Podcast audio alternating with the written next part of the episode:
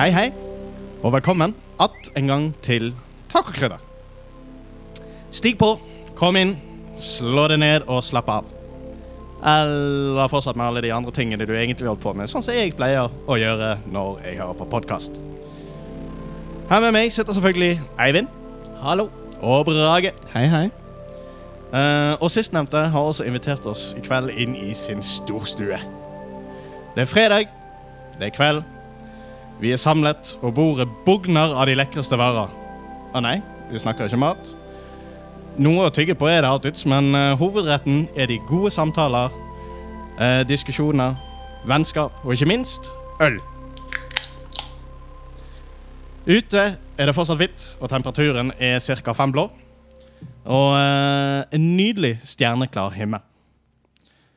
Forutsatt at eh, lysforurensningen ikke er for ille. Men ellers har vi det godt og varmt på behagelig eh, ca. 21-22-23 grader. Her inne, altså. Noen har laget snø, noen har glemt hva han pleier å ha på en taco, og andre har forberedt noe helt nytt. Velkommen til en ny episode Tacokrydder! Wow! Ja! For en åpning, Joakim! Takk. I all verden kom det ifra? Shit, ass! Ja, jeg tenkte det kunne være litt artig å uh, gjøre den litt, uh, litt freshere. Jeg merket Ja, ja. liksom at nå ville jeg bare slutte. Jeg, og bare sitte meg ned i sofaen og sitte og tenke at "Ah, dette gjør Joakim alene i dag, tenker jeg. Ja, ja. Nå, Nå nå var jeg veldig- hele greiene Nå er jeg veldig klar for å høre på podkasten. Ja, jeg. Skal bare sitte her og ha sånne små kommentarer innimellom. her. Ja. Nei, det var, det var nytelse. Ja. Absolutt. Ja, Bra jobbet. Jo, takk, takk, takk, takk, takk. Ja. Ja, ehm, jeg føler det første punktet vi burde ta opp i dag, er vel kanskje det at vi hadde jo kanskje For de som har hørt episode seks, så var det jo en liten smule lydissues. Jeg vet hva du sikter til her, Joakim. Eh, Jeg vet hva du sikter til. Og jeg vil gjerne gå ut med en eh, offentlig beklagelse til alle lyttere som eh, var veldig skuffet over teknikeren den dagen. Det viser seg at dersom der som vi skal trykke B, hadde jeg trykket A og B, eh, som gjør da at du får A og B istedenfor bare B. Eh, og det kan jo skje alle. uh, men det er i hvert fall den beste unnskyldningen jeg har å komme med i dag. Og i dag så har jeg eh, klart å trykke B, og jeg håper at vi klarer å unngå å gjenta det, det problemet en gang til. Ja, det hadde vært gøy. Ja, det hadde Det det. er, det litt vanskelig å høre. Dessuten, ja, det som skjedde var at vi fikk jo duplikat lyd i alle jinglene våre. Og det er jo litt synd, i hvert fall for uh, Vi har jo bare nye lyttere. Vi har, Vi har jo nesten det. vi har jo ingen gamle. Nei, Det er helt sant. det, vi er såpass ferske. Ja. Men i eh, vår voksen, eh, voksensmerte så tar vi i hvert fall alle folk med på reisen. Ja, det er sant. Vi håper jo, eh, håper jo ikke at vi mest lytter av en eh, sånn tabbe. Nei. Eh, da lover det dårlig for framtiden. Men nå er det der ute, og det er faktisk der ute. Ja, med sine feil og eh, skal vi si mangler. Ja. Men vi har jo en liten annen nyhet òg. Det er for så vidt sant. Vi har altså uh, tatt det store steget og hevet podkastene våre ut på Spotify. Ja. Uh, så der er det jo faktisk nå mulig å, å søke på tacokrydder. Trykke på follow, så får du jo faktisk en notifikasjon eller noe sånt i Spotify på at uh, nå er det en ny episode ute. ja. Så det, det håper vi òg at folk setter pris på. Kanskje det er litt lettere å, å følge med på episoden enn eh, enn MP3, som det en gang var. Ja, når det var MP3. Det Ja. endte jo av og til opp med at eh, han som sto ansvarlig for å eksportere lydfil, klarte å kjøre den ut i en WAV-fil. Så det er ganske kostbart både på internett og plass på telefonen. I tillegg så kan eh, folk som er på Apple, forvente at den kommer ut en podkast på Apple om eh, en kortens tid. Og det samme gjelder de som har podkast på Google. Så vi når flere plattformer mens dagene blir kaldere. Ja. Men vi kan jo også nevne det at eh, vi har vel planer om å kjøre opp en aldri så liten Facebook-side òg. Det har vi et lite håp om å klare å få til. Ja. Der vil jo eh, eventuelle linker og det som vi trenger, også dukke opp. Um, Jeg kunne veldig gjerne tenke meg at vi ordner det på den måten at eh, hvis noen har noen spørsmål de kunne tenke seg å stille, og så skal ikke vi drive og spamme folk fordi at de velger å abonnere på den siden, men kanskje en gang i uken eller to dager før selve innspillingen, så kommer det ut et lite bilde med noen spørsmål uh, til folk om de har noen spørsmål tilbake igjen. og der er det godt mulig at vi nevner hovedtemaet òg, hvis det er noen som har et spørsmål dedikert til hovedtemaet. absolutt. Ja. Så får vil jo jeg også eh, selvfølgelig Så får vi litt innspill også. fra- Ja, det er jo akkurat det jeg hadde tenkt å si. Man får rom for det Ja. ja. Ja. Og gøy å høre tilbake igjen fra hva folk tenker. Ja. Ja. Både på godt og vondt. ja. Ja. Så da eh, Ja, har vi jo eh, faktisk allerede mottatt noen spørsmål. da. Det har vi. Jeg eh, horet meg sjøl ut i dag og sendte meldinger til de som jeg visste at hadde hørt litt grann på dette. Um, og eh, vi kan gjerne ta opp eh, første spørsmålet som kom eh, tilbake igjen umiddelbart. Det kan vi gjøre, men jeg må jo først kommentere at jeg liker jo at Eivind upper uh, ja, uh, gamet sitt når det kommer til sh shameless self-promoting. Å ja. ja, ja. Spørsmålet vi har fått, er altså fra Robert og Yngve. Uh, hvorpå eh, hvorfor vi bare har episode fire og utover eh, på, eh, på Spotify. Så hvor er episode én, to og tre? ja. Jeg kan, jeg, jeg kan ta ta du litt, kan litt jeg kan ta litt uh, svar og ansvar. Føler det går mye på, eh, på teknikeren eh, akkurat der nå. Teknikeren tror, har eh, mye han skulle sagt her, føler jeg. jeg tror eh, driver han og drikker eh, mens vi spiller inn. Er det det han gjør? Det er tekniker og integritet det står på i hovedsak. Eh, fakta er vel egentlig det at eh, vi har episoder tilbake til godt over minus én òg, hvis det skulle være interessant. Eh, dette startet jo som Topptur-podkasten, hvor vi tok med oss en eh, litt dårlig mikrofon opp på et fjell, og så satt vi der og så snakket vi. og der var jo det sånn at eh, Av og til gikk mikrofonen tom for strøm. Av og til kom det en hund bort og veltet mikrofonen. Det var mye vind. Det var elendig lyd i det hele tatt, og formatet var ikke på, eh, på plass. Så bygget vi ut formatet litt, og så satte vi oss ned, og så fortsatte vi med å gå på fjellet og gjøre det samme, men da med formatet på plass. Og så fant vi fremdeles ut at lyden var ikke god nok, så vi begynte å spille inn hjemme. Og da, når formatet kom på plass, da begynte vi på episode 1. Og episode. 2 og episode 3. Og det gradvis ble litt og litt bedre å høre på. Og på episode fire da hadde vi fått oss såpass mye utstyr at jeg tenkte at dette går det an å høre på. Ja. Så om underholdningen er dårlig, så skal lyden i hvert fall være grei. God, god reklame, rett der. Er, Så nå er, vi, nå er vi altså på full uh, release, ja. rett og slett. Så det har liksom vært litt sånn beta eh, og alfa-episoder ute. Så ja. Ja, Idet vi, eh, i det vi passerer eh, 50 000 følgere på Patrion med minimum eh, 5 dollar i måneden, så kommer vi til å release episode 1, 2 og 3. Eh, Ja, ikke sant. ja. Så det er bare til å kaste seg på. Ja, ja. Bare Hvis noen klarer å finne den Patrion-silen, for den vet ikke vi hvor Nei, finner det er akkurat det. da. Den, den, eh, hvis noen klarer det, da skal vi jaggu gjøre det. Det vi nesten. Nei da. akkurat uh, De episodene kan nok òg bestilles ved interesse. Vi har de på VHS. Vi har det på VHS. Og Discman. Og minidisk. Discman og minidisk. Og sånn Skal, skal vi slenge på en kassett òg men som først er i gang? faen. Beta. Neida, men det går, det går an å få tak i dem hvis det er en ekstremt stor interesse for det. så Ja. går det absolutt an å få tak i dem. Men det er andre gode podcaster der ute òg. Altså. Ja da. Det må ikke vi glemme. Uh, ja, så, så vi, vi, vi, vi har jo en del eh, Vi har som sagt vært gjennom en del endringer eh, over egentlig relativt kort tid. Og det kommer sikkert til å bli endringer, eh, både i hvordan vi Hvilken layout vi har, og, og ja, hvilke temaer Hvordan vi setter det opp, og så lignende. Ja. Så det, endringer vil det nok bli, og bli i framtiden òg. ja. Og der hjelper jo tilbakemeldinger på å forme det litt. Grann. Absolutt. Ja. Ris og ros. Ja, ja, ja. Men uh, ja, Eivind, hadde lyst til å uh, ta en liten greie om hva du gjorde sist. Hva jeg har gjort siden sist? Ja. Em, jeg kan si veldig kjapt at jeg har vært i en eh, rettssak siden sist gang. Oi. Men det har jeg ikke noe interesse av å snakke om, så Nei, derfor bare sitter jeg på pinebenken. For det som er mer interessant, er det at uh, under lunsjen i dag, som jeg og min frue hadde sammen, så hadde hun tatt rødbetesalat på skiven sin, og tok et godt tygg av den, og inni den rødbetesalaten var det et svært glasskår. Ja, Oi. Jeg tuller ikke. Det er ganske saftig, det. Ja. Men uh, gikk det fint, eller ble det noe uh... Ja, hun fikk litt småbekymringer og gikk til lommelegen og fant ut at uh, hvor farlig er det egentlig med glasskår. Men det der tok lommelegen det helt 100 med ro med. Det sa Nei. det at hvis jeg ikke gjør vondt nå, så gjør ikke det vondt senere. Nei.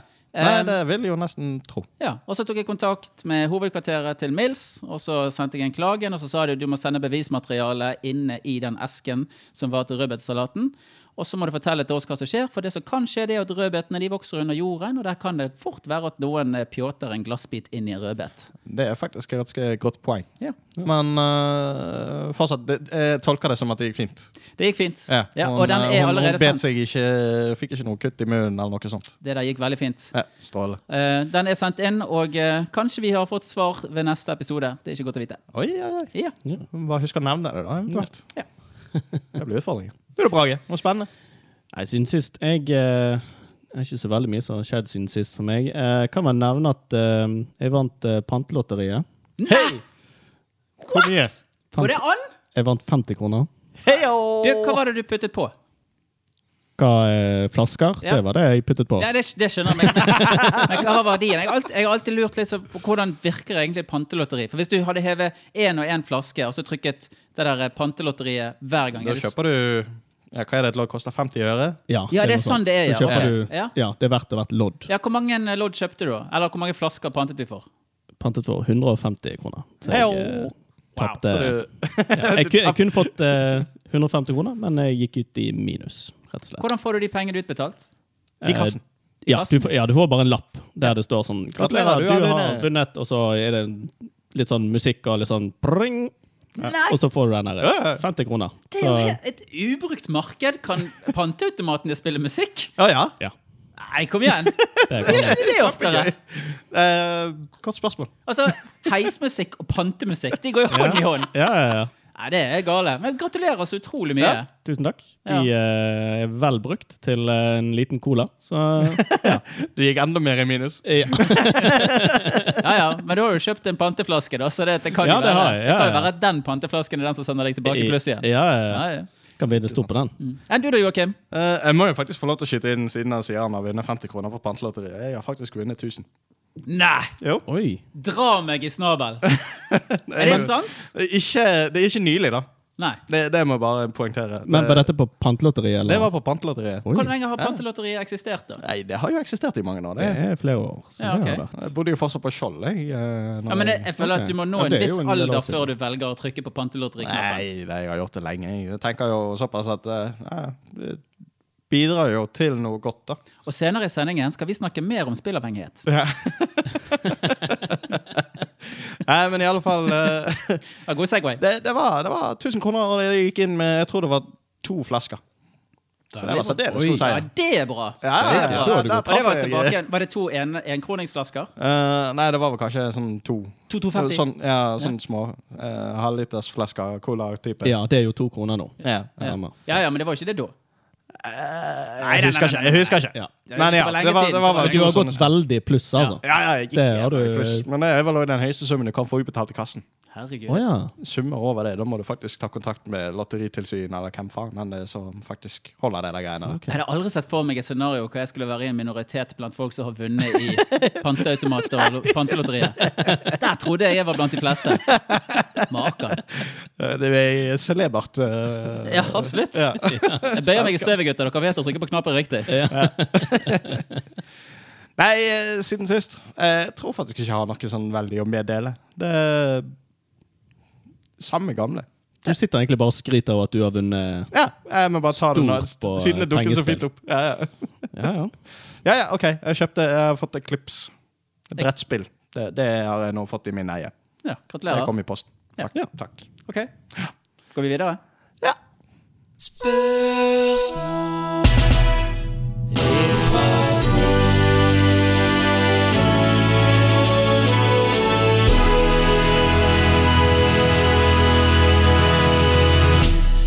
Spørsmål fra sist. Yes. Da er vi tilbake igjen med nye spørsmål som skal besvares fra forrige gang. Eh, vi begynner rett og slett med Angie sin. Jeg, jeg syns denne her var litt, uh, litt tøff, men hvis jeg har forstått den rett Jeg håper jo jeg faktisk har forstått denne her rett. Men uh, er det en ting Spørsmålet er altså er det en ting dere føler alle liker, hvor dere ikke forstår hva greien er?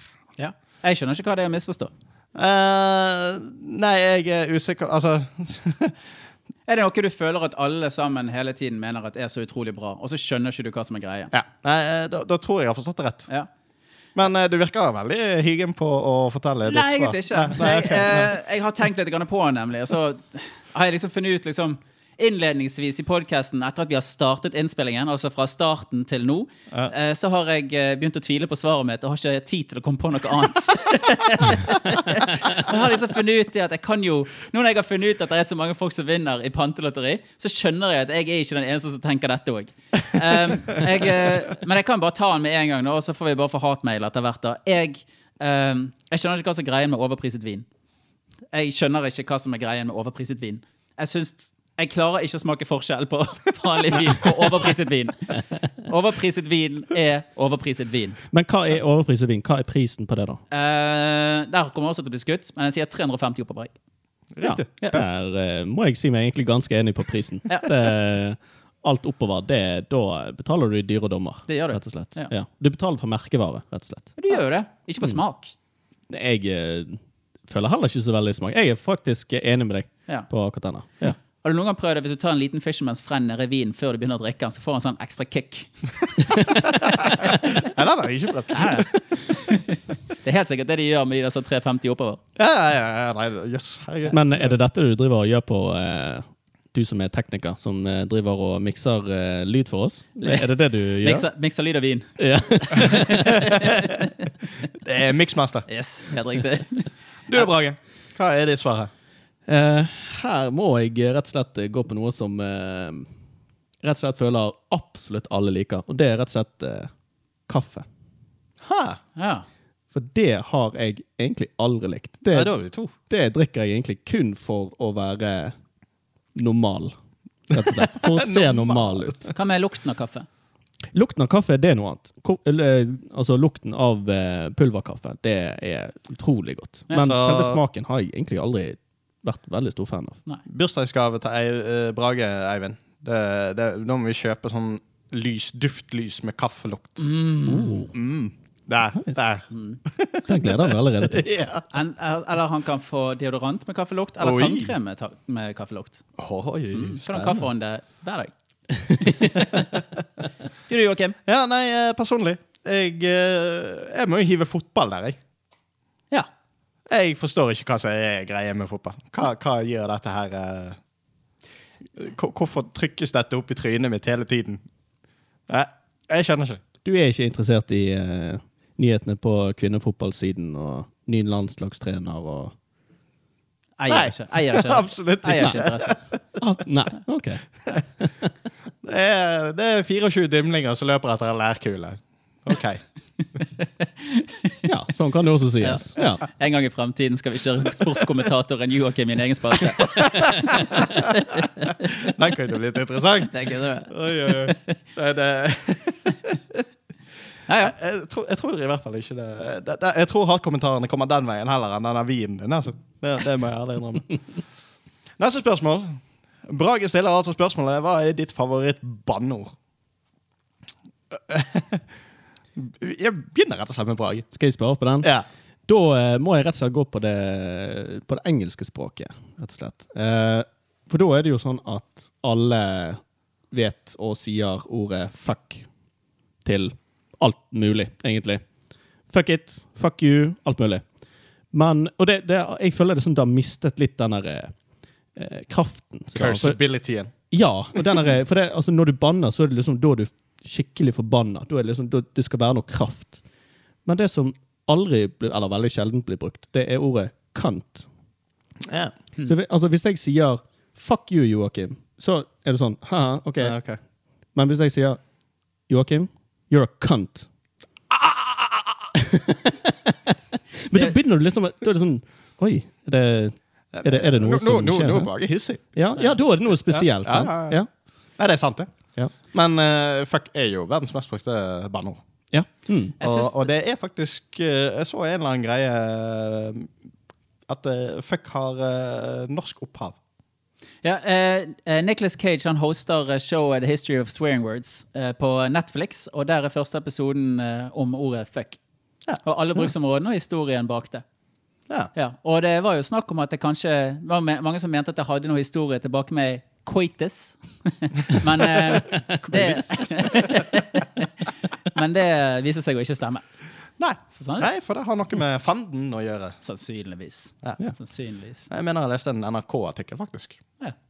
Eh, personlig, mitt, eh, mitt uh, eh, det er Jeg tror faktisk det er faen.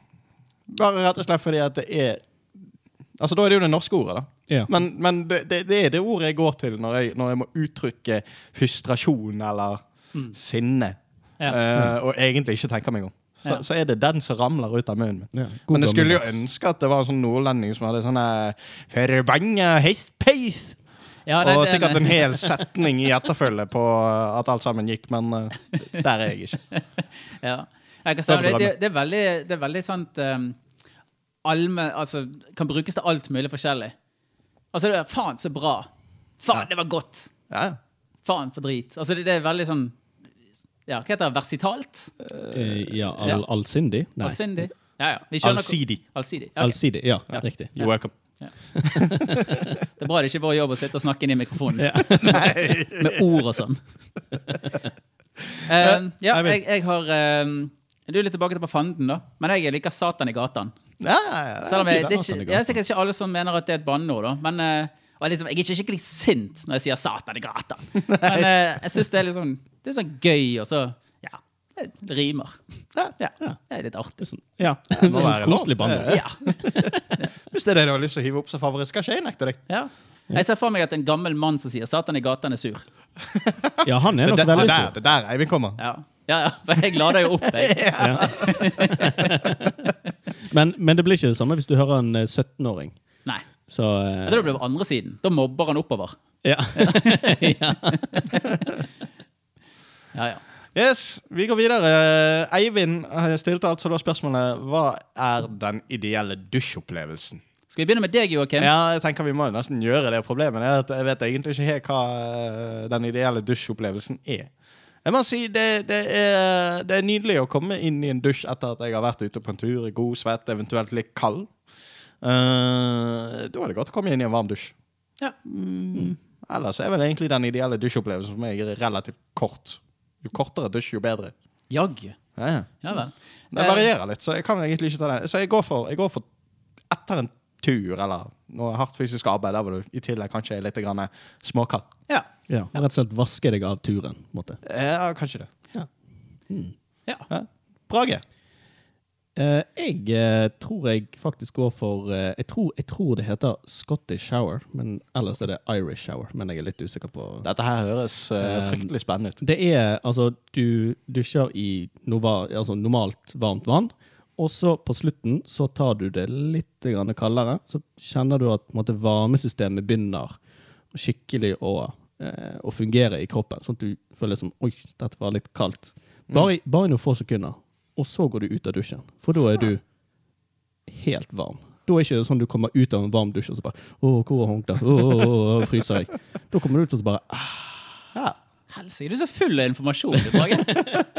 Folk lærer Kanskje, ting kanskje når det er det jeg skal begynne å prøve på. Vi Ja. får se. Ja. Eivind. Ja, jeg må jo si at dette spørsmålet er litt opp til tolkning. Men eh, min ideelle dusjopplevelse det er rett og slett å bruke de produktene som er i dusjen. Så da går jeg ofte inn i dusjen først. Jeg begynner med sjampo i hår og skjegg, og så vasker jeg det ut med en gang. Og så går jeg rett over balsam i hår og skjegg, og det lar jeg stå mens jeg da vasker kroppen min, og ideelt sett med noe dusjsåpe. Og så bruker jeg intimsåpe på mine intime soner. Og så vasker jeg kroppen og intimsonene mine, og så balsamen til slutt. Og da er liksom den dusjopplevelsen ferdig. Og hvis den er skikkelig ideell, så kommer det en eller annen person inn døren og sier jeg nettopp har vunnet 20 millioner kroner i Lotto. Ikke Det. Den, den hadde jeg hatt lyst på også. ja, den er veldig fin. Og så tar du temperaturen litt ned, og så kjenner du at du er varm i tiden. Ja, nei, nei, altså Hvis det var det som var målet ditt med, med, med dusjgreier, så har jeg misfortolket det spørsmålet. Nei, Nei, det er opp til tolkning. Ja, okay, okay. Ja. Men eh, hvor lenge varer den? seansen? Ja, jeg er faktisk en ganske rask dusjer. Så det, det går ganske fort for seg. Og det jeg fant ut, Jeg tok en dusj før jeg kom ned her i dag, eh, så jeg er rein. Og um, Det er bra. ja, ja, det går ikke å lukte gjennom uh, mikrofonen. uh, og det jeg la merke til, er det at jeg har også en uh, måte å tørke meg på. Jeg begynner med håret, og så litt i skjegget, og så går jeg nedover på baksiden, altså ryggen, rumpe, og så venstre fot, høyre fot, og så opp igjen gjennom skrittet, mage, skulder, og så trynet for andre gang. Huh. Rett, altså Veldig kort avstand fra penis til ansikt, men det gjør ikke noe, for jeg er rein. Ja, det er er et veldig godt poeng. Det er jo derfor man dusjer, tenker jeg. Ja, er. Nei, men det er bra. Jeg stilte spørsmålet hva er ditt favorittalbum gjennom tidene. Da tenker vi musikkens verden her. Ja. Ehm, ja. Kan du ta og begynne på denne, Brage? Det kan jeg. Eh, mitt favorittalbum, da må jeg gå litt tilbake i tid, men eh, da er rett og slett eh, Marshall Mathers LP fra Eminem, som jeg Uh. hørte på som eh, liten guttepjokk. Ah, Med masse banneord og eh, masse forskjellig gøy der. det var der kønt kom inn i bildet. Var det inspirasjon? Ja. Ja. Blant annet. My mother was a cunt! Jeg kan ikke gjøre en god Eminem. tror jeg. Nei. Eh, ja, nei, personlig Uff. Det er et vanskelig spørsmål. Jeg har stilt meg sjøl et vanskelig spørsmål der, syns jeg. Jeg tror jeg må gå for eh, Nightwish sitt Bless the Child. Nice. Ja, det, det tror jeg var eh, Det var iallfall blant de første hele albumene eh, jeg likte brorparten av sangene gjennom hele albumet. da. Mm. Men Nightwish, er, hva sjanger er det igjen? Symfonisk metall. Symfonisk metall. Mm. En sånn operasangstemme. Eh, grunnen til at det er symfonisk, er ofte fordi at det er inkorporert med skal vi si, korpsmusikk. Ja. Eh, mye, mye strykere og blåseinstrumenter og sånt. Eh, ikke alltid live, vel å merke. Nei. Gjerne via en synt og sånne ting, og kanskje noe playback, hva vet jeg. Men eh, det er i alle fall eh, gjerne en større orkestrering i bakkant av eh, selve rocken. Okay. Ja. Dette kan vi anse som anbefalinger i tillegg. For min del er det jo det. Ja. Jeg syns det er knallmusikk. Mm. Eivind? Ja. Eh, Jeg var fullstendig klar over hvilket eh, band jeg kom til å sikte mot, men det var veldig vanskelig å velge mellom album, for de har veldig mange album. Jeg snakker om Muse, og det kan man bare merke seg. Hører du på et album fra Muse, og du, du, du bare kommer til å like i hvert fall noen av sangene. Hvis du er stor Muse-fan, så kommer du til å like, bortsett fra kanskje de siste tre albumene, kommer du til å like alle sangene som er på albumene. Så jeg helgraderte meg, og så tok jeg albumet deres som heter Harp, som er en livekonsert som dekker flere album i samme album. Riktig. Yes. Ja. Så sånn gjorde jeg det. ja. Nei, men det er jo stilig. Har vi svar på spørsmålet? Det vil jeg si at vi har.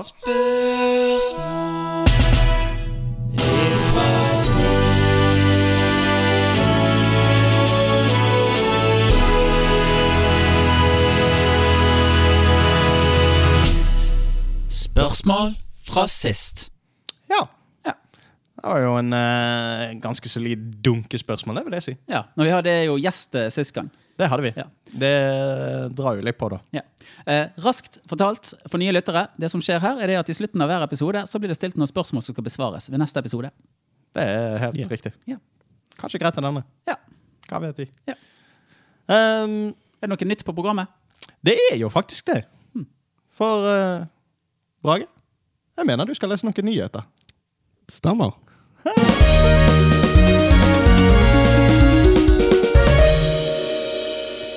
Yes, da har vi en liten uh, nyhetsopplesning her. Taconytt. Uh, da er det et par saker som jeg har lyst til å uh, bare nevne kjapt. Eh, dette er litt sånn eh, verdensomspennende nyheter. Litt forskjellig. Jeg kan nevne at eh, i Myanmar, eller gamle Burma, så har det vært et militærkupp der eh, demokratisk valgte, eh, valgte politikere ble arrestert når militæret tok over i et statskupp. Og da er tidligere fredsprisvinner Må jeg si dette riktig?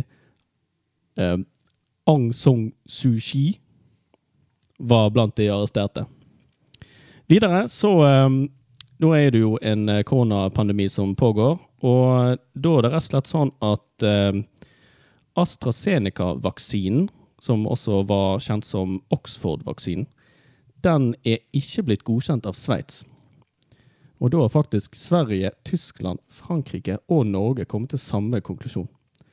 Det er rett og slett fordi at det er kommet for lite data om effektivitet av den vaksinen blant eldre. Men eh, Storbritannia, som har utviklet den vaksinen, de har godkjent den ganske fort. Så de vaksinerer nå befolkningen. Videre så eh, var det faktisk sånn at eh, på, eh, på onsdag, altså 3. februar klokken ni om morgenen, så var ikke det en eneste målestasjon i hele Norge som målte plussgrader. Ingenting. Det skjedde faktisk i 2010 også. Men før det så var, eh, må det faktisk tilbake på 1960- og 1970-tallet før det samme skjedde. Eh, I forhold til det så kan jeg nevne at eh, Folldal, som eh, ligger mellom Dovre og Rondane cirka, altså dagen før, altså tirsdagen 2. februar, så hadde de, målte de faktisk 38,5 minusgrader. Det er ganske kaldt. Videre så eh, eh, I USA så er det faktisk et eh, kongressmedlem som heter Marjorie Taylor Green, som har blitt stemt ut og kastet ut av, ut av to komiteer. Det er rett og slett fordi at hun har åpenlyst eh, støttet eh, QAnon-bevegelsen. Hun har hatt eh, munnbind på når hun har jobbet, der det står 'Stop the Steal' og 'Trump won', mens hun da har vært på jobb. I tillegg så har hun da også antydet at det er flere skoleskytinger i USA som aldri har funnet sted. Det er bare oppdiktet. Og det stopper ikke der. For hun har, I tillegg til dette så har hun sagt at eh, på, i eh, 11. september 2001 så var det ikke noe fly som traff Pentagon. Det er bare tull. Alt sammen. Og faktisk at eh, John F. Kennedy sin sønn, John F. Kennedy jr., han var i en flykrasj i 1999. Og da har hun faktisk sagt at eh, Clinton-ekteparet de fikk det flyet til å styrte.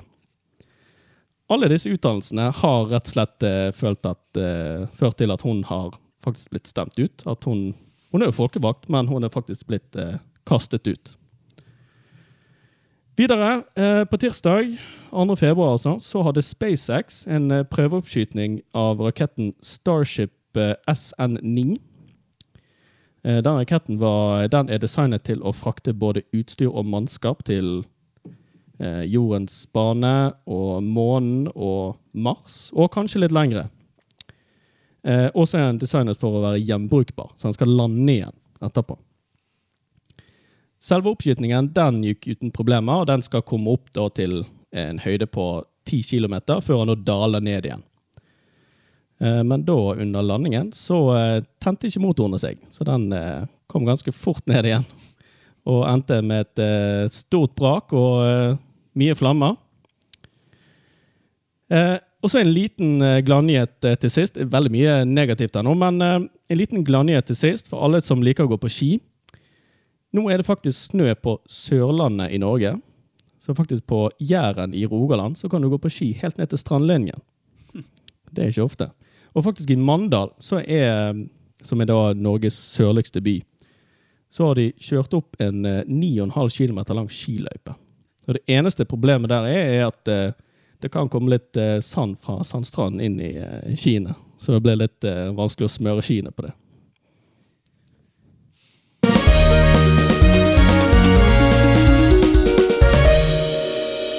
Ja, det er jo flott levert, det, Brage. Ja, veldig flott levert. Ja, Eh. Det var en ting jeg bet merke i, så jeg syns det var litt artig. Eh, dette er kuppet i Myanmar, og jeg vet jeg legger merke til feil saker, men hva er etternavnet? Sushi? Ja, ikke i ett ord, men, Nei, eh, men det Ong Sung Sushi. ja. Ja. Ang Sung Su-ski. Å ja, ja, det var samfordelt, fordelt, ja. Ja. Jeg syns det var en veldig fin uttale. Det hørtes kinesisk ut når du sa det. i alle fall. ja. Ja, Nå er det kanskje ikke kinesisk de har, men uh... Nei, hun er fra Burma, men uh... Ja, men uh, er, det, er det thai? Nei. Har de burmansk som språk? Det er godt mulig, men eh, det, altså, det er jo et eget land. Ja. Det er et ganske stort land, så, men de ligger jo ved siden av Thailand. Det er nabolandet. Ja. Mm. Det er derfor jeg tenker eh, akkurat som det finnes eh, ja, hva, Sveits snakker halvveis tysk. Ja. At, Mm. Altså det er ikke, jeg vet ikke om det finner, finnes burmansk språk, eller Det gjør det helt sikkert. Jeg er ikke så veldig god på språkforskning i. Sørøst-Asia. Men eh, ja, det, de er veldig nært beslektet, tror jeg. Ja, ja. Ja. Det er veldig sjeldent at du ser på nyhetene, og så når nyhetene er ferdig, så får du lov til å utspørre ankeren. Nei, det er, det er sant. Det er sant. Jeg, jeg benytter det. Ofte er det faktisk bare sånn at de leser det opp fra en sånn telepropter. Ja, og så sitter ikke de med all informasjonen inne. Men jeg må, jo, jeg må jo bare si at hun er kongressdamen virker jo helt syk. Ja, det var helt sprøtt. Yeah. Det var helt sprøtt. Hun må jo virkelig ha falt inn i et eller annet rabbit hole på et eller annet tidspunkt og bare fortsette å falle og falle og falle. Ja. Det kom, tar vel ikke så lang tid før hun mener jorden er flatt òg, eller er hun der allerede? Eh, nei, det Du blir ikke stemt Aldri ut av det. aldri. Men, eh, ja. Nei. men alt dette begynte med Trump. Det var rett og slett når, eh, under valgkampen til Trump, så hun falt ned i the rabbit hole. Og rett og slett det kom alt på disse konspirasjonsteoriene. Og var helt. Men, hun, men hun er jo folkevalgt. Det er folk som stemmer på henne. Ja, Folk som er helt men, enige men med jeg henne. har jo sluttet å tro på amerikanerne for lenge siden. Ja, det Det, tror jeg det er mange det, det, det sluttet jeg med omtrent sånn cirka når Trump ble valgt. Ja, det tror jeg det er mange som Da, gjør det da samme. forsvant mye av mitt håp der borte. ja, ja. Nei, men det er stilig, det. Uh, Vi håper at uh, denne nyhetsopplesningen Jeg synes det var veldig gøy. Og så er det artig liksom, når du hører tilbake i tid, så får du liksom vite hva som skjedde rundt på den tiden. året. Ja. Ja. Mm. det er i alle fall et segment vi kommer til å ta opp igjen uh, med jevne mellomrom. Ja. Så det ja, Vi satser på det blir bra. Ja. Men vi har jo en litt annerledes wildcard i dag, har jeg forstått. Det har vi det. Og eh, vanligvis når vi sier at vi kjører i gang en wildcard-spalte, så pleier eh, teknikeren å starte jingle for wildcard-spalten. Men i dag så er det jeg som har eh, wildcard-spalten, og det er jeg som er tekniker, og jeg kan ikke gjøre to ting på en gang. Så det som rett og slett kommer til å skje her nå, det er at wildcard-jingle kommer til å bli spilt litt senere, for i kveld, eller avhengig av når på dagen du hører det, så skal vi faktisk ha en god, klassisk adjektivfortelling. Men en adjektivfortelling med en liten vri, så vi er ikke egentlig bare ute etter adjektiv. Så det første vi kommer til å gjøre akkurat nå, og nå vil jeg veldig gjerne at eh, dere svarer så fort som mulig, og så skal jeg heller ta og skrive ned etter hvert. Eh, og ikke bruk for lang tid på betenkning her, for det, eh, det har vi rett og slett ikke tid til. Nei. Så jeg bare begynner med deg, jeg Brage. Jeg trenger et eksotisk guttenavn. Eksotisk guttenavn. Eh, da velger jeg eh, Juan. Ja. Og eh, av deg, Joakim, trenger jeg etternavn på en rik tysker. Etternavn på en rik tysker? Ja. Det blir jo for Schneider, det, da. Eh, Schneider, ja. Eh, og Von, von Schneider. Ja. Eh, og av deg, Brage, så trenger jeg en eh, lengde på tid. Lengde på tid. Ja. Lang. Nei, altså et minutt, et okay, år, ja, sånn, ja. eh, 100 år, OK. Ja. Eh, tusener. 1000 år. Og av eh, deg, Joakim, så trenger jeg et uh, adjektiv. Bare hvilket som helst? Ja. Å, dæven steike. Du kom jo med flotte flott ord i dag. ja. Hva var det? Det var uh, automagisk. Automagisk. Uh, og av deg, Brage, så trenger jeg en kommunikasjonsmetode. Tekste. Tekste. Eh, og av deg, Joakim, så trenger jeg et dyr. Vi går for uh, platypus. Platypus. Ja, uh, hva er det heter? Nebbdyr. Ja. Nebbdyr, ja. Nebbdyr. Um, og da trenger vi et land ifra deg, Brage. Eh, Aserbajdsjan. Aserbajdsjan. Og så trenger vi et fransk ord av deg, eh, Joakim. Fransk ord. Ja. Bagett. Greit. Den likte jeg. Yes. Og så, og så er deg, Brage. Bruker for lang tid på å le. Og så er det jeg Brage, trenger vi navn på en drink. Drink. Ja, navn på en drink. Eh, whisky. Whisky. Og så av deg, Joakim, trenger vi navn på en drink. Ja, da tar vi Alma Latina, da. Ah, en gang til. Alma Latina. Almelat... Alma. Alma Latina. Yes. Wow. Stikk på tre- 323 bare, så får du den. Ja, ja, det tror jeg på. Eh, Av deg, Brage, så trenger jeg en uvanlig sport. Uvanlig sport. Ja. Um,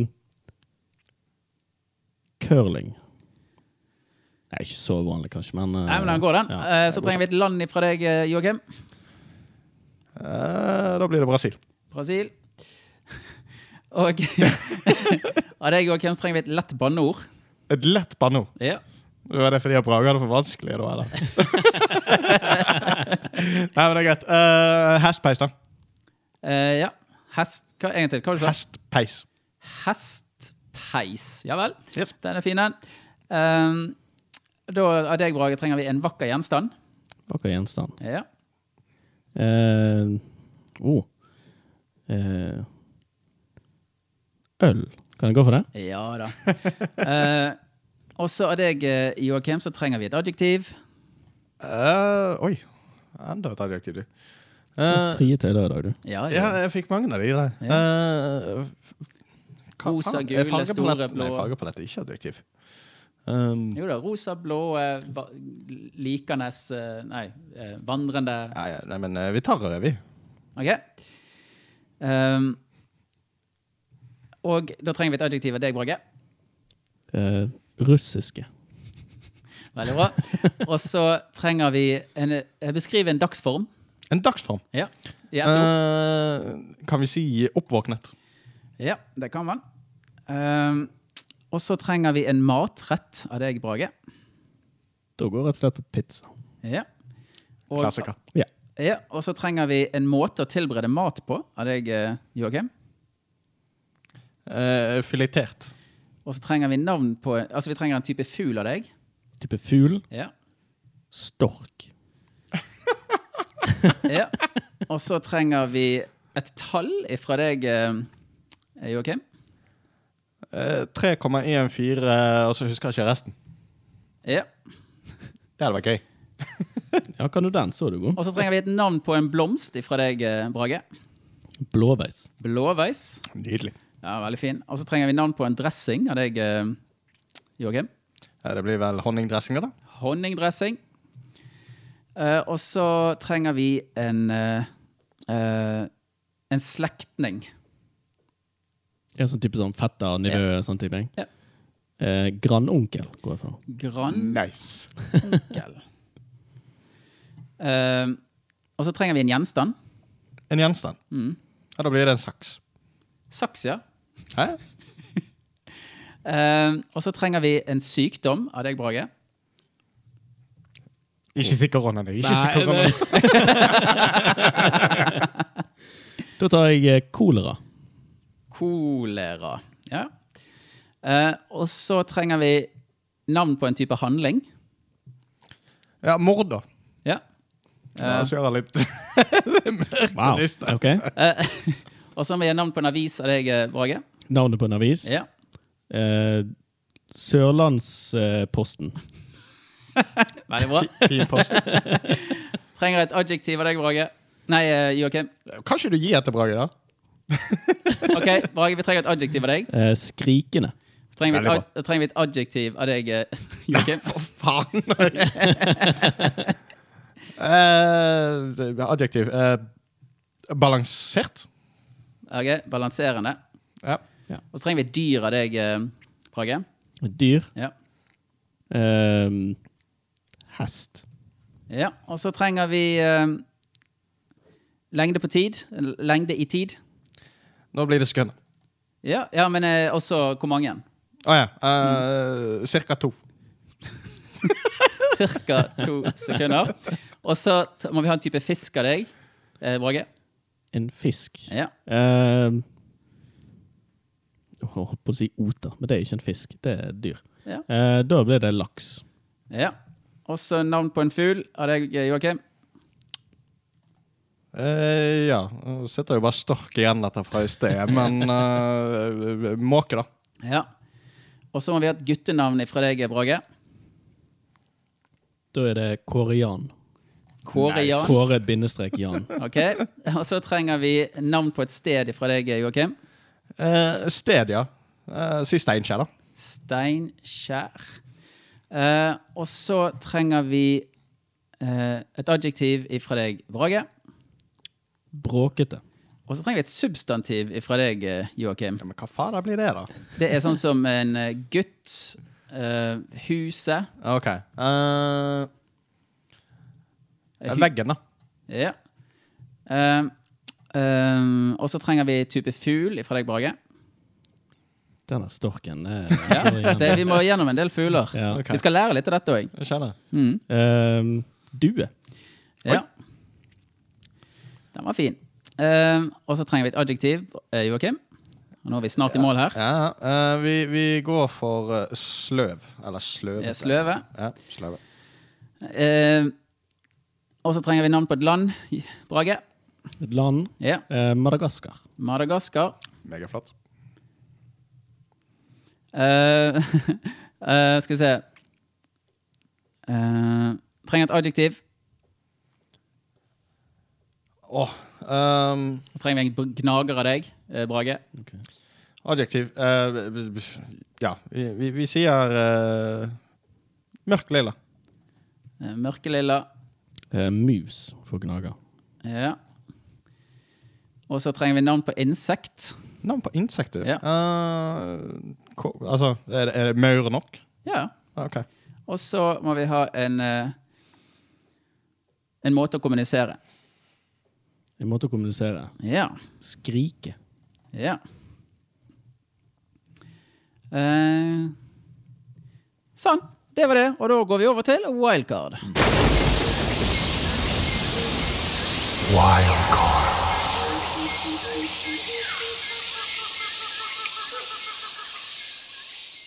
Ja, da var vi i gang med wildcard-spalten, og dette tror jeg kommer til å bli veldig koselig. Jeg er spent, jeg. Det bør det være.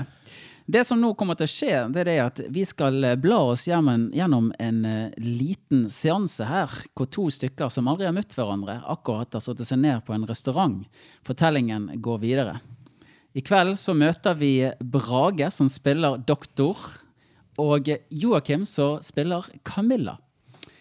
Og de har nå fått tilsendt teksten som de skal lese opp, og de, som de for øvrig aldri har lest før. Og jeg håper at eh, dere to kan eh, ta og sette dere litt inn i karakteren eh, dere skal spille. Okay. Og vi kjører i gang. Jeg kommer til å lese alt som er svart, Brage leser alt som er blått, og Joakim kommer til å lese alt som er rødt. Så vet alle de som lytter på hvordan dette kommer til å fungere. Og vi er i gang. Det er en mørk og rolig aften. Frøken Camilla von Schneider har dratt på restaurant for å møte den rike ambassadøren dr. Juan Larsen. Etter å bare ha hatt kontakt med hverandre over tekst, har de, utro har de etter utrolige tusen år endelig møttes for en romantisk aften på restaurant. Kelneren kommer og tar bestillingen ved bordet. Madame Monsieur, velkommen til en automa automagiske nebbdyr. Har dere lyst til å se på menyen? Hva, Nå var det Brage som var blå her. det var min tur. Hva er husets vin? I dag kan vi friste med en aserbajdsjansk baguett. Ja, den har jeg smakt før. Den syns jeg ikke noe om. Gi meg en whisky og eh, Og Og, og von Schneider tar en, eh, en Almatina. Så klart, jeg kommer straks tilbake.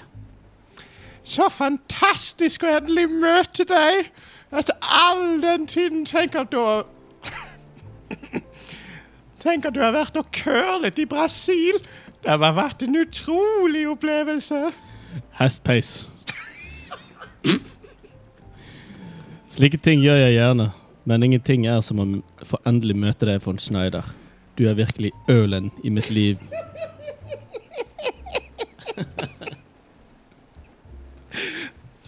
Så fint sagt.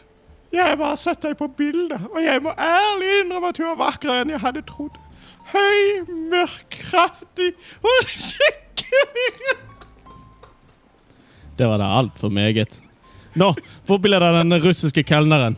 Jeg er oppvåknet. Her er drinkene deres, vær så god. Vil dere se på menyen? Nei, det trenger jeg ikke. Jeg vil gjerne ha en porsjon pizza. Så klart. Og til fruen? Jeg vet virkelig ikke. Hva koster den fileterte storken? Den koster 3 kroner og 14 øre. Ikke tenk på det. Jeg betaler min skjønne blåveis.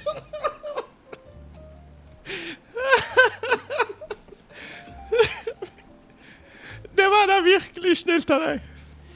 En slik og gjerne litt honningdressing ved siden. Selvsagt. Jeg er sikker på at kokken skal få det til. Jeg kommer straks tilbake med maten. Stemmer det at eh, din grandonkel omfatter saksen? Dessverre, ja. Det har dratt slekten fra hverandre. Onkelen har min har fått kolera, som gjør det vanskelig å kommunisere med ham. Du mener virkelig. Du mener vanskelig å snakke om, eh, om testamentet? Hvordan vet du om testamentet? Jeg beklager. Det var ikke meningen å morde. Jeg leste artikkel som din søster la ut i Sørlandsposten.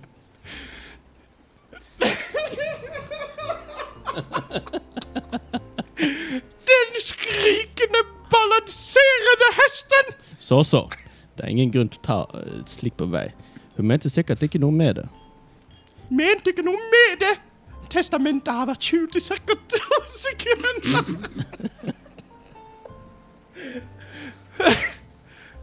Og nå vanærer hun familie på den måten. Den laksen! Rolig nå, min lille måke. Dette kommer til å gå bra. Så snart Korian kommer hjem fra Steinkjer, så kommer dette til å bli mye bedre.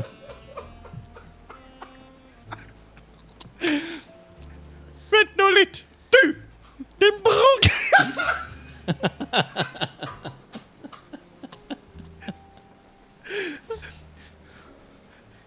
Din bråkete vekk, din lure snok. Det er på ingen måte at du kunne vite at han var der. Du er bare ute etter pengene våre. Nei, rolig, min vesle due. Nå roer vi oss litt ned. Du skremmer gjestene.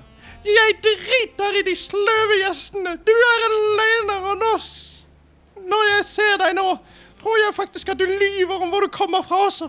Jeg føler ikke jeg kjenner deg lenger. Hvem er du? Hvor, hvilket land kommer du egentlig fra? Madagaskar. Jeg visste det! Unnskyld, er det noen problemer her? Ingen problemer i det hele tatt. Jeg har mistet appetitten. Jeg vil aldri se igjen den lille møkka lille musen. Neimen, min lille maur. Ha det for alltid. Aldri skrik til meg igjen. wild card.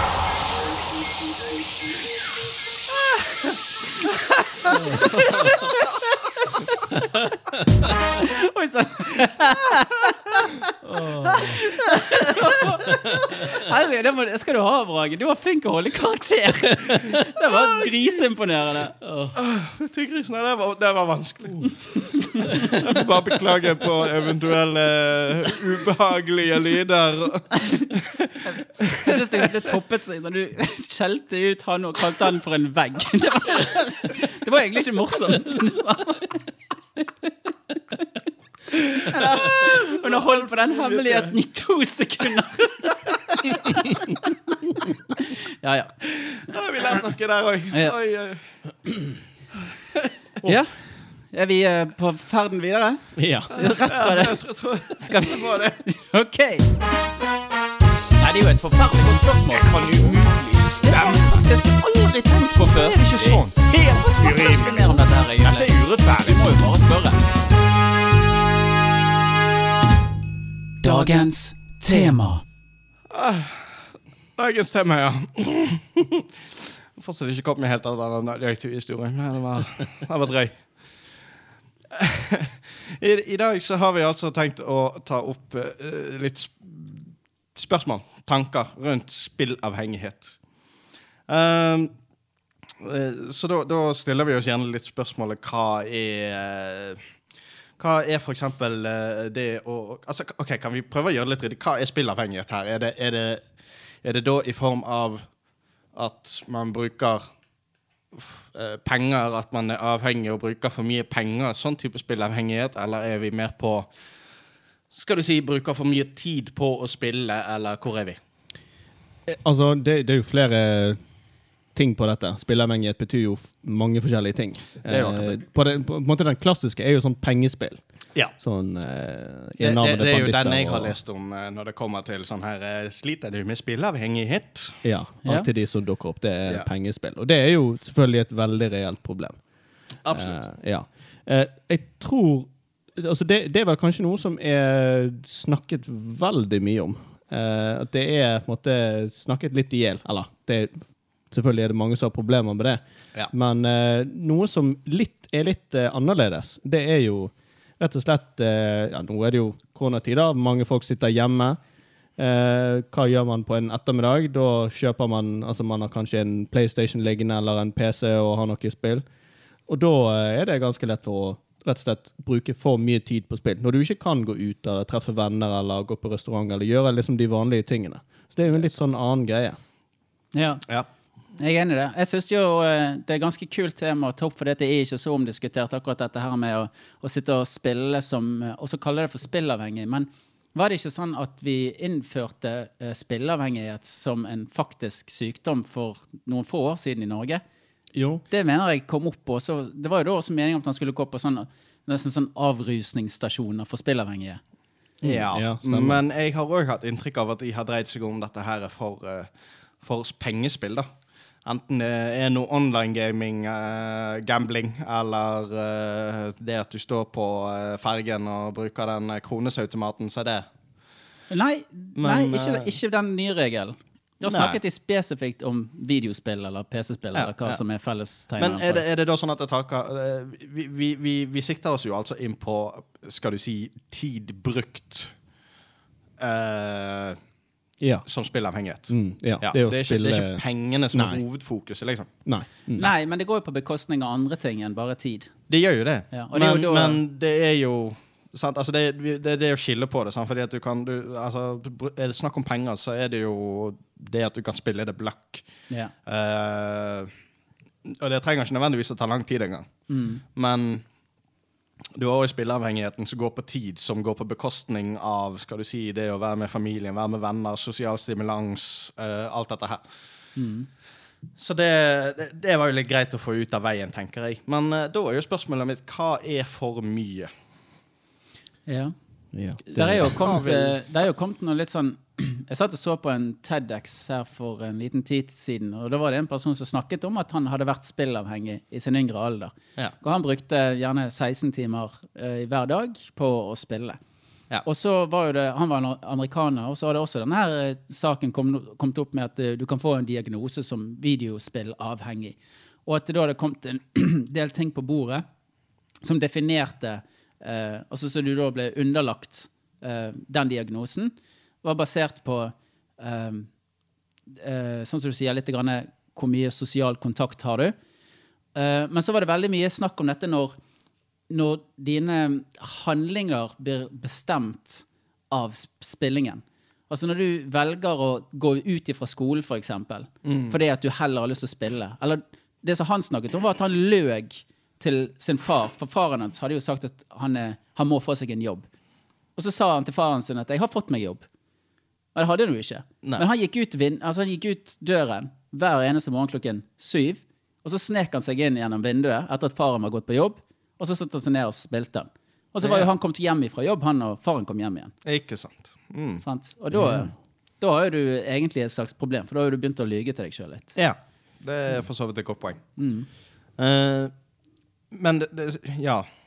Da er det jo et ganske greit svar. Det Ja. er vel for mye. Ja da. Kan vi vel ja, ja, være ganske enige om. Helt klart. helt klart. Det er godt poeng. Men jeg tenker jo eh, eh, vi, vi spiller jo sjøl, vi som sitter her. Ja. Eh, Jeg kan jo kanskje bare ta et raskt sånn spørsmål, i alle fall innledningsvis. Da føler vi det at vi spiller for mye.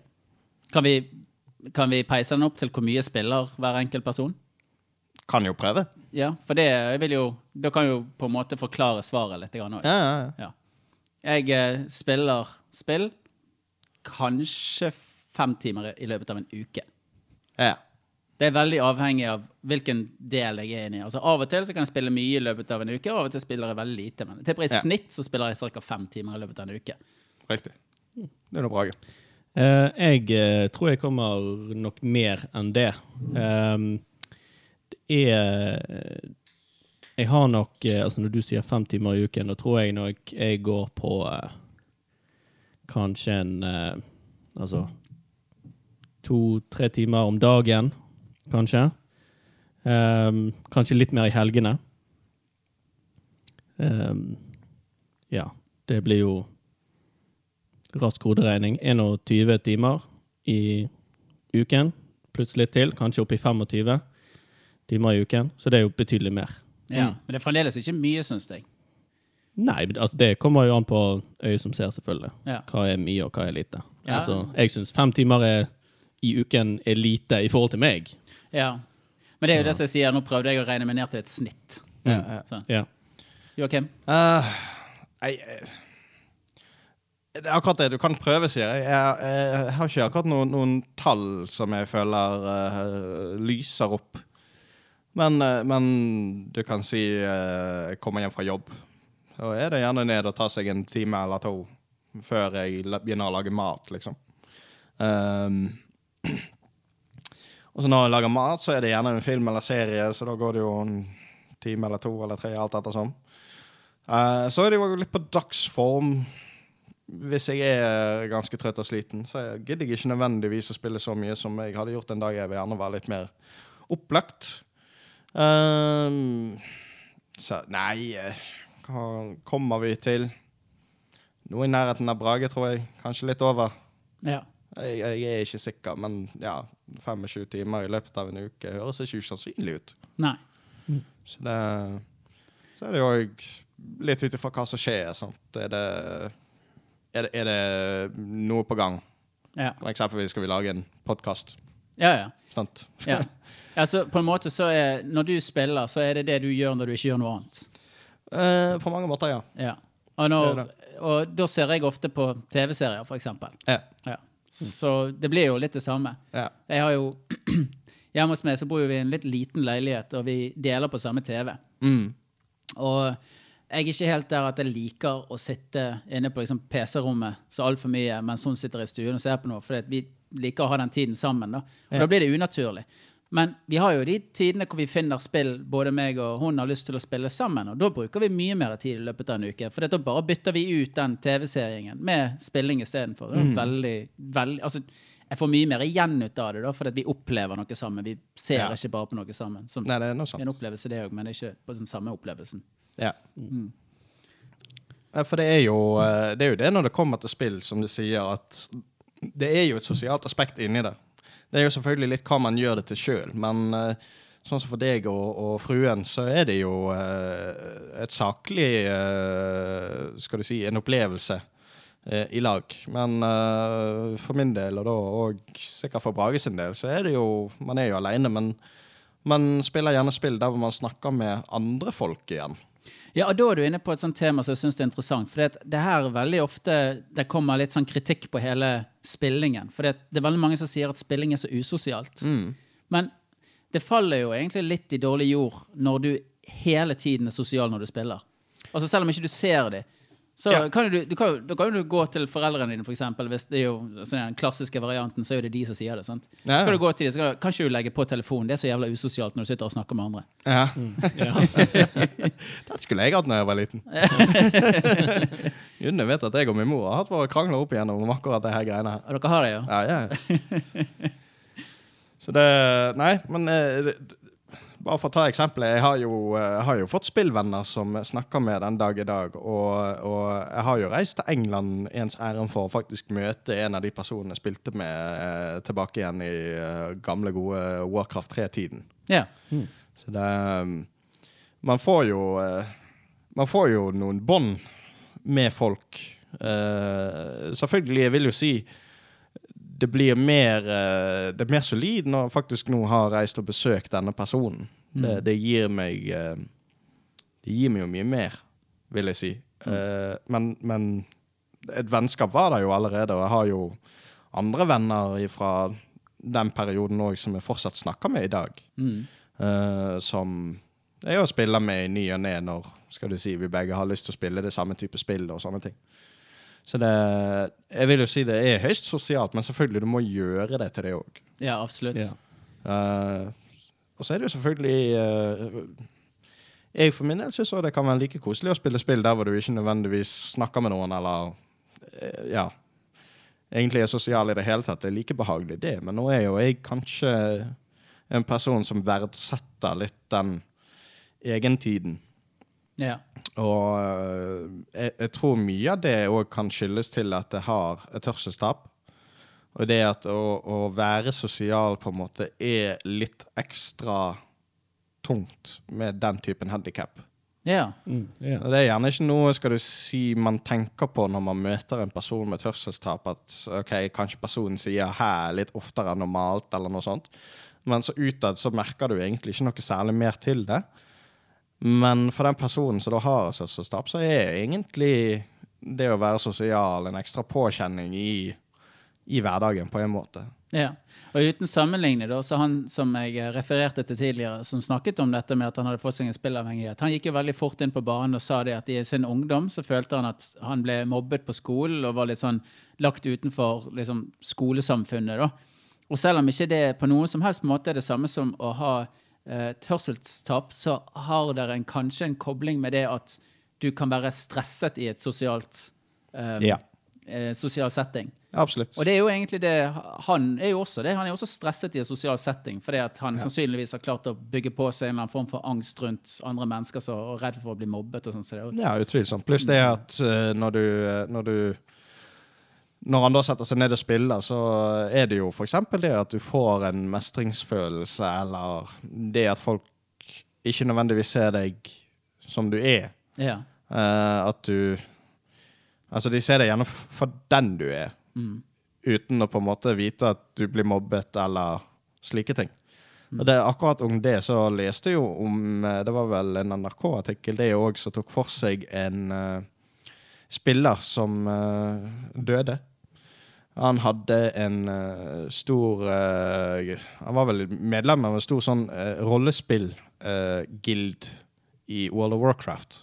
Og når vi sier rollespill-guild, så er dette her altså en eh, type guild som eh, Altså, rollespill er jo når man eh, går inn for, i rollen som en annen person enn det du egentlig er, og man snakker både in character, altså som den personen man spiller, og som deg sjøl out of character. Eh, og her var det jo da altså folk som likte rollespillet, uh, og på en måte sette seg inn i, i, i noen andre og, og være den personen på spillet, da. ja. Uh, så han døde jo. og folk merket i gilden at han var vekke. Dette her er jo da en gjeng som er blitt sterkt uh, sammenknyttet.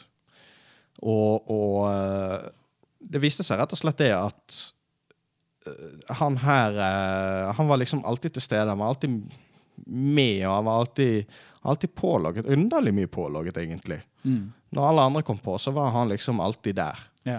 Um, hvorpå de da fant ut at han hadde dødd. Og denne gilden var jo internasjonal, så det var mange av de som hadde muligheten. De reiste òg til, til Norge for å være med i begravelsen. Og dette her er jo Ja, jeg husker ikke alle land, men det var jo eh, svensker, engelskmenn og til og med jeg tror det var noen fra andre kontinenter. Uten at jeg greier nødvendigvis å nevne hvilken det var. Det som var spesielt, som mange av de da fikk vite i begravelsen, var det at eh, denne karen her var altså en rullestolbruker. Eh, og og eh, han led av en sykdom som gjorde at han var nesten dømt til å dø tidlig.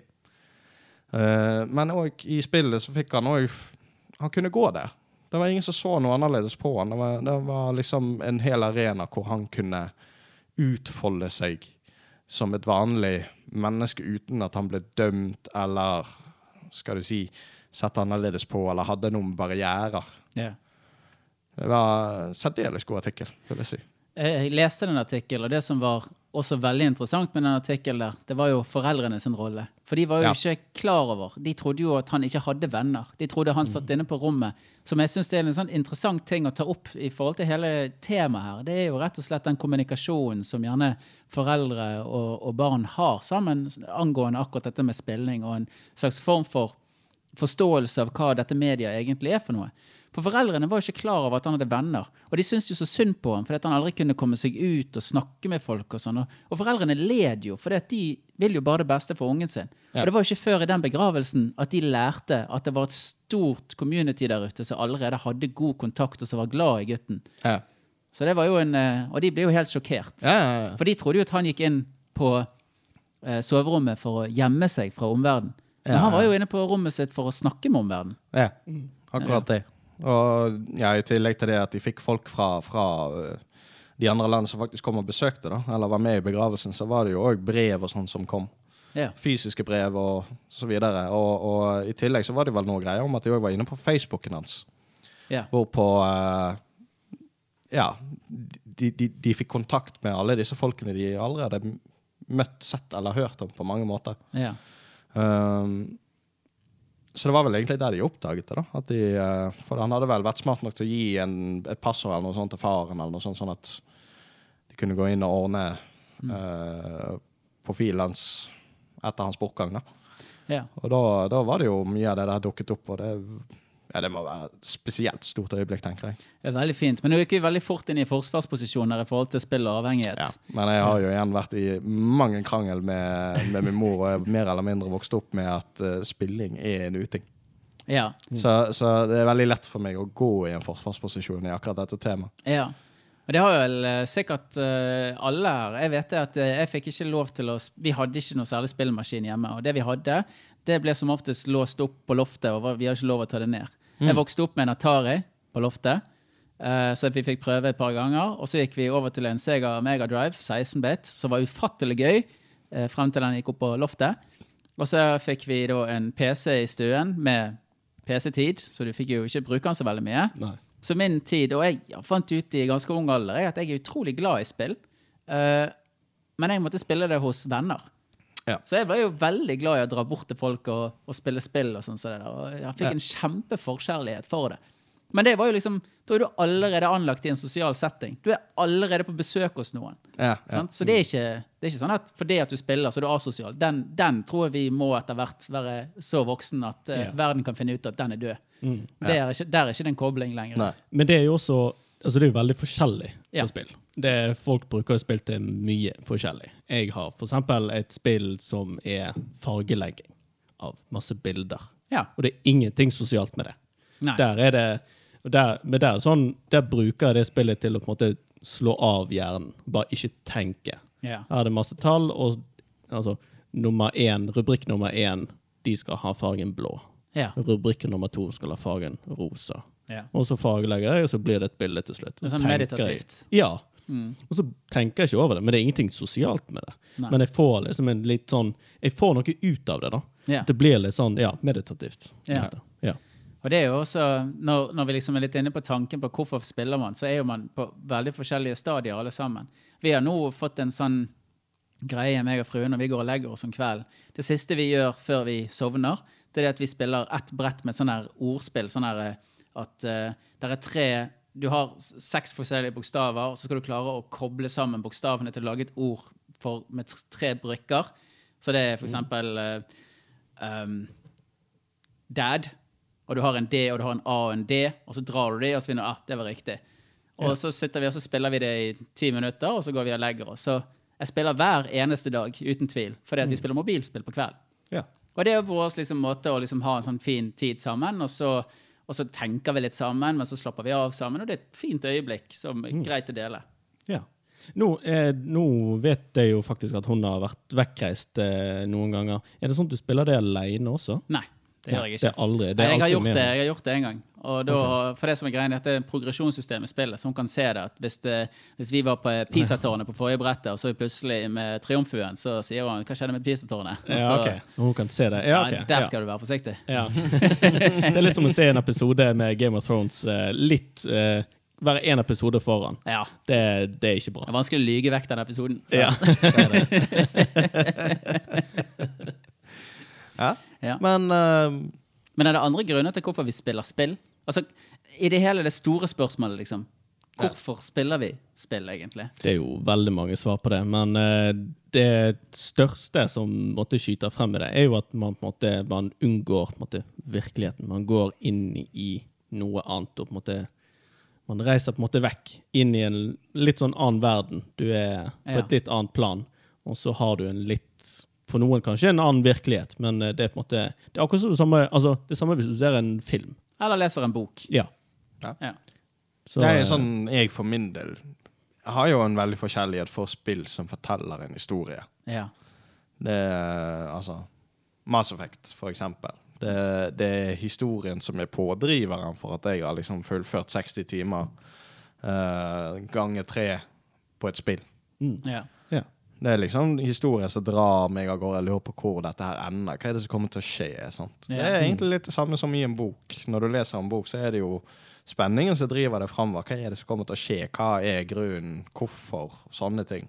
Men i spillet da får du gjerne en litt sånn tettere um, kobling til karakterene. For det, Det er jo det, spesielt i Mass Effect der har jo du lov til å velge hva som skal sies. Ja. Og det er jo på en måte, du får i hvert fall et, en viss ehm, bestemmelse over hva som skal skje i spillet. Absolutt. Sant? Og det er jo en eh, da, Så det er jo en interaktiv historie på mange måter. Det er jo det som er. Ja. Og det Så- tror jeg ikke egentlig er et stort problem i seg sjøl. Det er Neida. veldig innafor. Ja, ja, ja. Men uh, det er jo en grunn til hvorfor det spilles, da. Ja. Uh, så du kan si uh, Jeg vil jo bare trekke det fram at det, det er jo som Brage sier, sant? det er mange grunner til, til hvorfor man spiller, og det er jo rett og slett på grunn av sant? Man har den Ja, man distanserer seg litt grann fra livet, man får litt grann eh, input. Det, og det er grunnen til at folk ser på TV, og det er grunnen til at folk leser bøker. Det er akkurat samme grunn.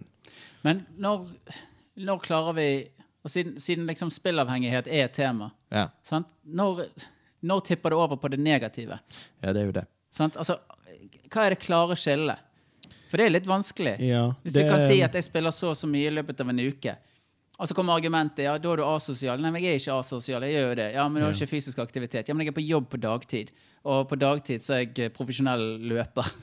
Ja, og du gjør et eller annet. Ja, du Ja. gjør et eller annet. Eh, altså, du Når det blir for mye, det er jo en grense som er personlig, og det er forskjellig for alle. Men eh, noe som jeg har lært meg, er at hvis du gjør det istedenfor noe annet Altså hvis du ikke går på jobb, Ja. eller du ikke er sosial, at du går ikke på den festen for jeg har lyst til å spille litt mer alene og ikke er sosial, eller Mm.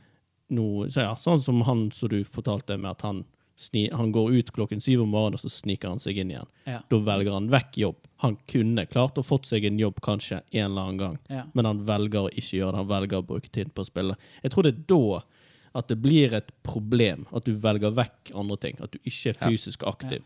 Men han er så dypt inni det. Ja da, Altså, Klarer man å oppdage signalene før det skjer? ja, det er det. Om man, ja, det er jo eh, veldig begrenset, tenker jeg. Ja, Ja. Det er veldig Fordi at personlig. en av, en av de uh, store kontradiktene her, tenker jeg, vil jo være det at hva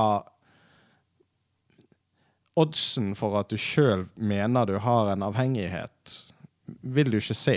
Så du, egentlig det første tegnet der er jo benektelse. Mm. Det er jo ingen som vil innrømme at de har en spilleavhengighet på mange måter. Nei, det er jo det ikke. Så det er jo Man sitter jo da rett og slett med at Si meg, er du spillavhengig? Og så Nei, nei, nei, nei, jeg er jo ikke avhengig i det hele tatt. Ja. sånn at, altså, men det, det sier jo like fullt en som ikke er avhengig òg. Så det er jo Hvordan skiller man det fra hverandre? Det er jo Og så blir, det, vite. så blir det veldig vanskelig nå for tiden. For det for eksempel si at du avlyser en fest, sant? Så var et eksempel som ble tatt opp her i sted. ja. Og si at du avlyser en fest hvor jeg skal spille. Det, det første jeg tenker da, det er jo sånn at nå har du kanskje et problem. Men det du ikke vet på andre siden, det er at for eksempel så er du medlem av et guild. Og det er 15 andre mennesker som allerede har planlagt med deg at i dag så skulle vi ta den sjefen, eller jeg vet da søren hvordan yeah. det fungerer. Sånn. Men i dag så hadde vi satt av den dagen. Og så skal du klare liksom, med, med spill som har det ryktet på seg, så det egentlig fortsatt har, så skal du klare å forsvare overfor de andre at jeg kan ikke komme fordi at jeg har lovet gildet mitt. Det er et sånt Mm. det er sånn negliserende ord. Det er ikke sånn pent å høre liksom, at gildet mitt har sagt. For at ordet gild i seg sjøl er ikke forsvarlig nok. Nei, Nei. nei. Det er for så vidt et godt poeng. Og i alle fall hvis det er snakk om opp mot personer som ikke bruker så mye tid på spill sjøl. Ja. Så, så er det jo klart det at uh, Si når du da hadde vært eh, medlem i en guild, Edvin, og så sier du til meg det at nei, vet du hva, jeg kan ikke komme på den festen fordi at jeg har faktisk en avtale med gilden min, og jeg sitter her som en ikke-spiller og liksom uh, OK, så du, så du skal spille? Ja. Er det du sier til meg? ja. Ja, ja. Eh, og det, det er eh, Hvordan blir det viktigere enn en fest? ja. Men jeg hadde jo ikke nødvendigvis sagt det høyt heller, så det hadde jo vært en miskommunikasjon på det òg. Absolutt. Og Og så er det, og så er det jo andre. liksom, det er det at Hvis du sitter hjemme og spiller og sier nei til å gå på en fest, og så sier at 'jeg har heller lyst til å spille i dag', Mm. da er ikke den unnskyldningen helt lov. Men hvis du sier 'jeg orker rett og slett ikke å dra på fest i dag', 'jeg er ikke i form', ja. da er det plutselig mye mer lov. ja, ja. det er sant. Og da nevner du ikke spillingen, selv om du kanskje kommer til å spille likevel. Ja, ja, ja. Ja. Sånn sett så er det vel kanskje litt neglisjert enda på, på en måte, da. Ja. Men, eh, Men- det kommer sikkert til et punkt hvor du har sagt nei så mange ganger. Ja, Og så finner sånn du er det jo med alt. Ja. Jo, men det er, da, det er da skillet kommer, tenker jeg. ja, ja. Det er rundt der lysene skal komme opp. Nå har jeg Mm. sagt nei så mange ganger. Og det er ikke Jeg tror at det å kalle det spillavhengighet på en måte er en litt sånn feil ting. For det er ikke spillavhengig du er. Du er eh, konfrontasjonssky. Eller du har en Mm. angst, sosial angst. Eller du har et eller annet annet som gjør at du er mye mer tiltrekket av å rømme enn å møte. Og det kan være noe annet som gjør det. Og det kan Ja, ja. være det er derfor diagnosen har kommet. At liksom, kan Jeg, jo jeg, være folk fortsatt, smart nok. jeg vil fortsatt argumentere at spillavhengighet er en veldig reell diagnose. Ja, ja. Selv om selvfølgelig det kan være andre ting, selv om det ser ut som spillavhengighet, så kan det være andre underliggende ting som det er den egentlige faktor. ja. Eh, bare for å legge den, da. Veldig ofte når man snakker om spillavhengighet, så snakker man om World of Warcraft. Det gjør man jo. Ja. Men hva er det som gjør at man uh, blir kalt spillavhengig når man spiller World of Warcraft? Godt spørsmål. Er det- Nå eh, er det vel ingen rundt dette bordet som spiller World of Warcraft. Nei. Eh, jeg har spilt det en gang. Jeg tror jeg har spilt eh, det i 10 eller 15 minutter, og så gadd jeg ikke mer. Så jeg kan si veldig lite om akkurat World of Warcraft. Riktig. Nei, jeg spilte det vel uh, når det kom ut tilbake igjen på ungdomsskolen. Jeg tror vi var i åttende klasse på den tiden. Da uh, Ja. Jeg lurer på om jeg holdt på i ett år. Cirka. Hvis jeg kan eh, snu litt på spørsmålet, da. Mm. Eh, hva er det som gjør at man spiller et spill veldig lenge? Et spesifikt spill veldig lenge. Altså, fordi at Hvis du leser en bok, så leser du boken til den er ferdig. Men nå utvikler jo ikke alle spill på den måten. Nå er det veldig mange spill som du egentlig kan spille i all evighet. Så hvorfor sitter man og så repetitivt gjør det samme om og om igjen, mer eller mindre, og fremdeles lar seg underholde? Det er jo for at du får noe med når du holder på å spille. Enten det er sosial omgang med andre i en guild, eller det er mestringsfølelse, eller eh, ja, eller kombinert også. Ja. Um, Ja, men uh, Jeg tror det er, et- det er et litt sånn kult poeng som du tar opp der. Akkurat det stikkordet. Mestringsfølelse. ja. Hvis du spiller et spill, så får du egentlig levert en hel rekke med mindre oppgaver. Og de mindre oppgavene de klarer du å løse. Og hver gang du klarer å løse en oppgave, så har du faktisk fullført noe. Mm, Sant? ja. Det er jo det, men i spillet så er det jo ofte en, en uh, reward, altså man, man får noe igjen for det. Altså på en måte litt med håndfaste bevis, da. Ja, men det er jo ikke ekte. Nei. Men i den verden er det ekte. I den verden er det ekte. Og det er jo der det gjelder, på en Ja. måte. Ja, men jeg lurer på om den mestringsfølelsen Jeg lurer på om den er såpass sterk at du ikke har behovet for den mestringsfølelsen andre steder. At, nå, nå, nå snakker jeg om dette Ja. når det blir et problem. Sant? At du velger å ikke gjøre den ene tingen som kanskje du hadde kunne hatt en utnytting av. da. Altså fiks det vinduet, eller, eller Ja. gå, på, gå og kjøp den tingen som du har trengt så lenge. Men istedenfor så sier du at nei, men jeg har oppgaver som jeg kan løse her. Og det gir meg den, det behovet som jeg har for å fikse noe. Det klarer jeg å få dekket fordi at jeg klarer å løse denne oppgaven. Ja. Ja, nei, det er jo, eh, det er jo absolutt en tanke. Ja. Uh, og jeg vil nok tro at det òg er, er Der har du jo igjen en saklig grunn for det jeg mener er spillavhengighet. Sant? Fordi at du får disse her eh, eh, raske, små dosene med mestringsfølelser, derav òg uh, ja, dopamin og det som du på en måte trenger. Ja. Eh, og når du på en måte velger å gå til den dopamin hele tiden, Mm. så er det jo uh, Det er jo da det er spillavhengighet. Ja. Ikke når du bruker det som en eh, Skal du si en mur for å På en måte Ja, at du ikke At her takler du sosial omgang, for eksempel, eller de tingene Mm. som, som vi var innom tidligere, da. Ja.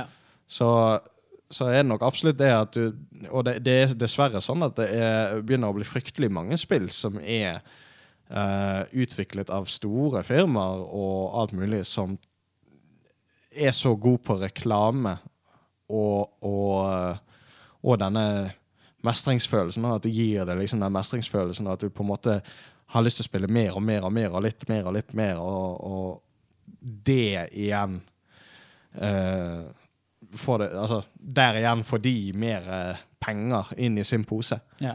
Og det det, det er jo der mye, mye av det jeg definerer spillavhengighet, kommer inn. da. Ja, Det er når de store aktørene klarer å lage en oppskrift på dopamin, dopamin så er jo de, de, det er nettopp det med de store òg, er at de er så dyktige på å liksom Her er det snakk om De har sikkert brukt penger på, på research og alt mulig, og så er det liksom Det er skreddersydd for at du skal bli avhengig av det. ja. Og det, det er jo litt skummelt, egentlig. Ja, og Det er jo Eh. vanskelig å lage, lage, lage et system som skal kunne stoppe akkurat det. For det, der er jo ingen klare regler på når og hva som er forårsaker, eller hva som står til grunn for at denne oppskriften skal gjøre akkurat det. Nei, det er helt sant. Så det Vi har da altså eh, de som greier å skreddersy det, og så får man da altså en avhengighet av, av, av den typen. Ja. Er er det andre eh, former for avhengighet man Altså andre grunner til at man, man blir spillavhengig, som vi kommer på? Altså annet enn eh, mestringsfølelse og eh, sosial omgang. Som, Ja, og både, altså både sosial omgang og, og for så vidt ikke-sosial omgang. ja. Bare det at du mm. får en Enten en pause fra det, eller at du får, får, ja. får noe du takler. da. Men Det, altså du har jo, eh, altså sånn som jeg nevnte i stedet, fargeleggingsspillet, som er sånn ganske kort og lite spill, eh, der du på en måte, du, på en måte escaper, du på en måte kobler helt av. Mm. Og det, altså hvis du har en ganske tung hverdag, og er, du har det rett og slett ikke så veldig godt med livet ditt, du Ja. sliter på kanskje flere plattformer, så kan det være en sånn, du må bare koble av, og så bare være i, da går du jo selvfølgelig tilbake til den, jeg mestrer ikke dette livet, nå må jeg gå inn i et, et univers der jeg faktisk klarer å mestre noe. Jo, jo. Ja, men jo- men du, har, du er òg inne på poenget liksom at det er en virkelighetsflukt. Ja. Ja, for dette går jo på en måte virkeligheten i dvale. Og du bekjemper jo ikke problemene dine nødvendigvis. Det du gjør da, er at du faktisk bare klarer å skuffe de vekk, og så klarer du å finne en annen ting som kan holde de skjult. Ja. Sant? Og det er ikke nødvendigvis sunt, fordi at uh, Ja, du klarer distraherer ikke- deg fra ja, du problemene distraherer dine. deg fra problemer, så klarer ikke du nødvendigvis å behandle de problemene, du bare legger de vekk. Ja. Og jo mer eh, Jo større den boblen av problemer blir, jo mer spiller jo du, og jo mer skyr jo du den boblen, for den bare vokser. Ja. Ja, ja. Men desto, mindre, desto vanskeligere blir det jo òg å faktisk flykte fra dette her. Ja. Sånn at man, man får jo Ja, man blir jo selvdestruktiv til syvende og sist. Mm. I de verste tilfellene, hvorpå selvmord og slike ting Det Ja. kan være et utfall. Ja, at man rett og slett eh, man måtte ødelegger seg så, eh, så mye at måtte, nå, nå har du kommet så langt at nå er det jo ingen vei tilbake. Nå, nå er jo disse problemene så sinnssykt vanskelige. Ja. Enten om det er eh, økonomiske problemer, eller det er sosiale problemer, sosial angst, eller det å få seg kjæreste, eller et eller annet sånt. Mm. Så er det liksom Ja, men her er dette spillet. Her skal jeg skyte disse personene for Mm. å klare, og da får jeg belønning sånn. Og jeg tror det kanskje jeg det vi har sett i løpet av det siste året nå, hvor spilling har blitt så utrolig mye mer populært, når folk sitter jo hjemme likevel. Så det, jeg føler på nyhetene, i hvert fall i starten av denne covid-perioden, så var det så mye negativt som skjedde. Og jeg tenkte at det, det var vanskelig å takle alt dette greiene her. Ja. Og jeg tror det er veldig mange, altså på grunn av at de tallene har steget så veldig mye på antall spillere, så tror jeg det har litt med at folk har hatt et stort behov for å rømme fra virkeligheten. Ja. Og det kan jo være noe som blir tatt opp igjen når denne covid-perioden en eller annen gang i fremtiden blir over. At vi ser hvor mange som sitter igjen nå liksom, og, og fremdeles ikke føler at de kan komme seg tilbake igjen til samfunnet helt 100% Og at det kanskje da vi kan liksom se litt sånn klare hva som var linjen. At vi lærer noe om nøyaktig dette her når denne tiden er over. For da ser vi litt lettere liksom, linjene. For det, det er en korrelasjon med at folk begynte å spille mer når verden så litt verre ut. Ja. Sant? Også, Ja, det òg, men at man òg ble innestengt mer.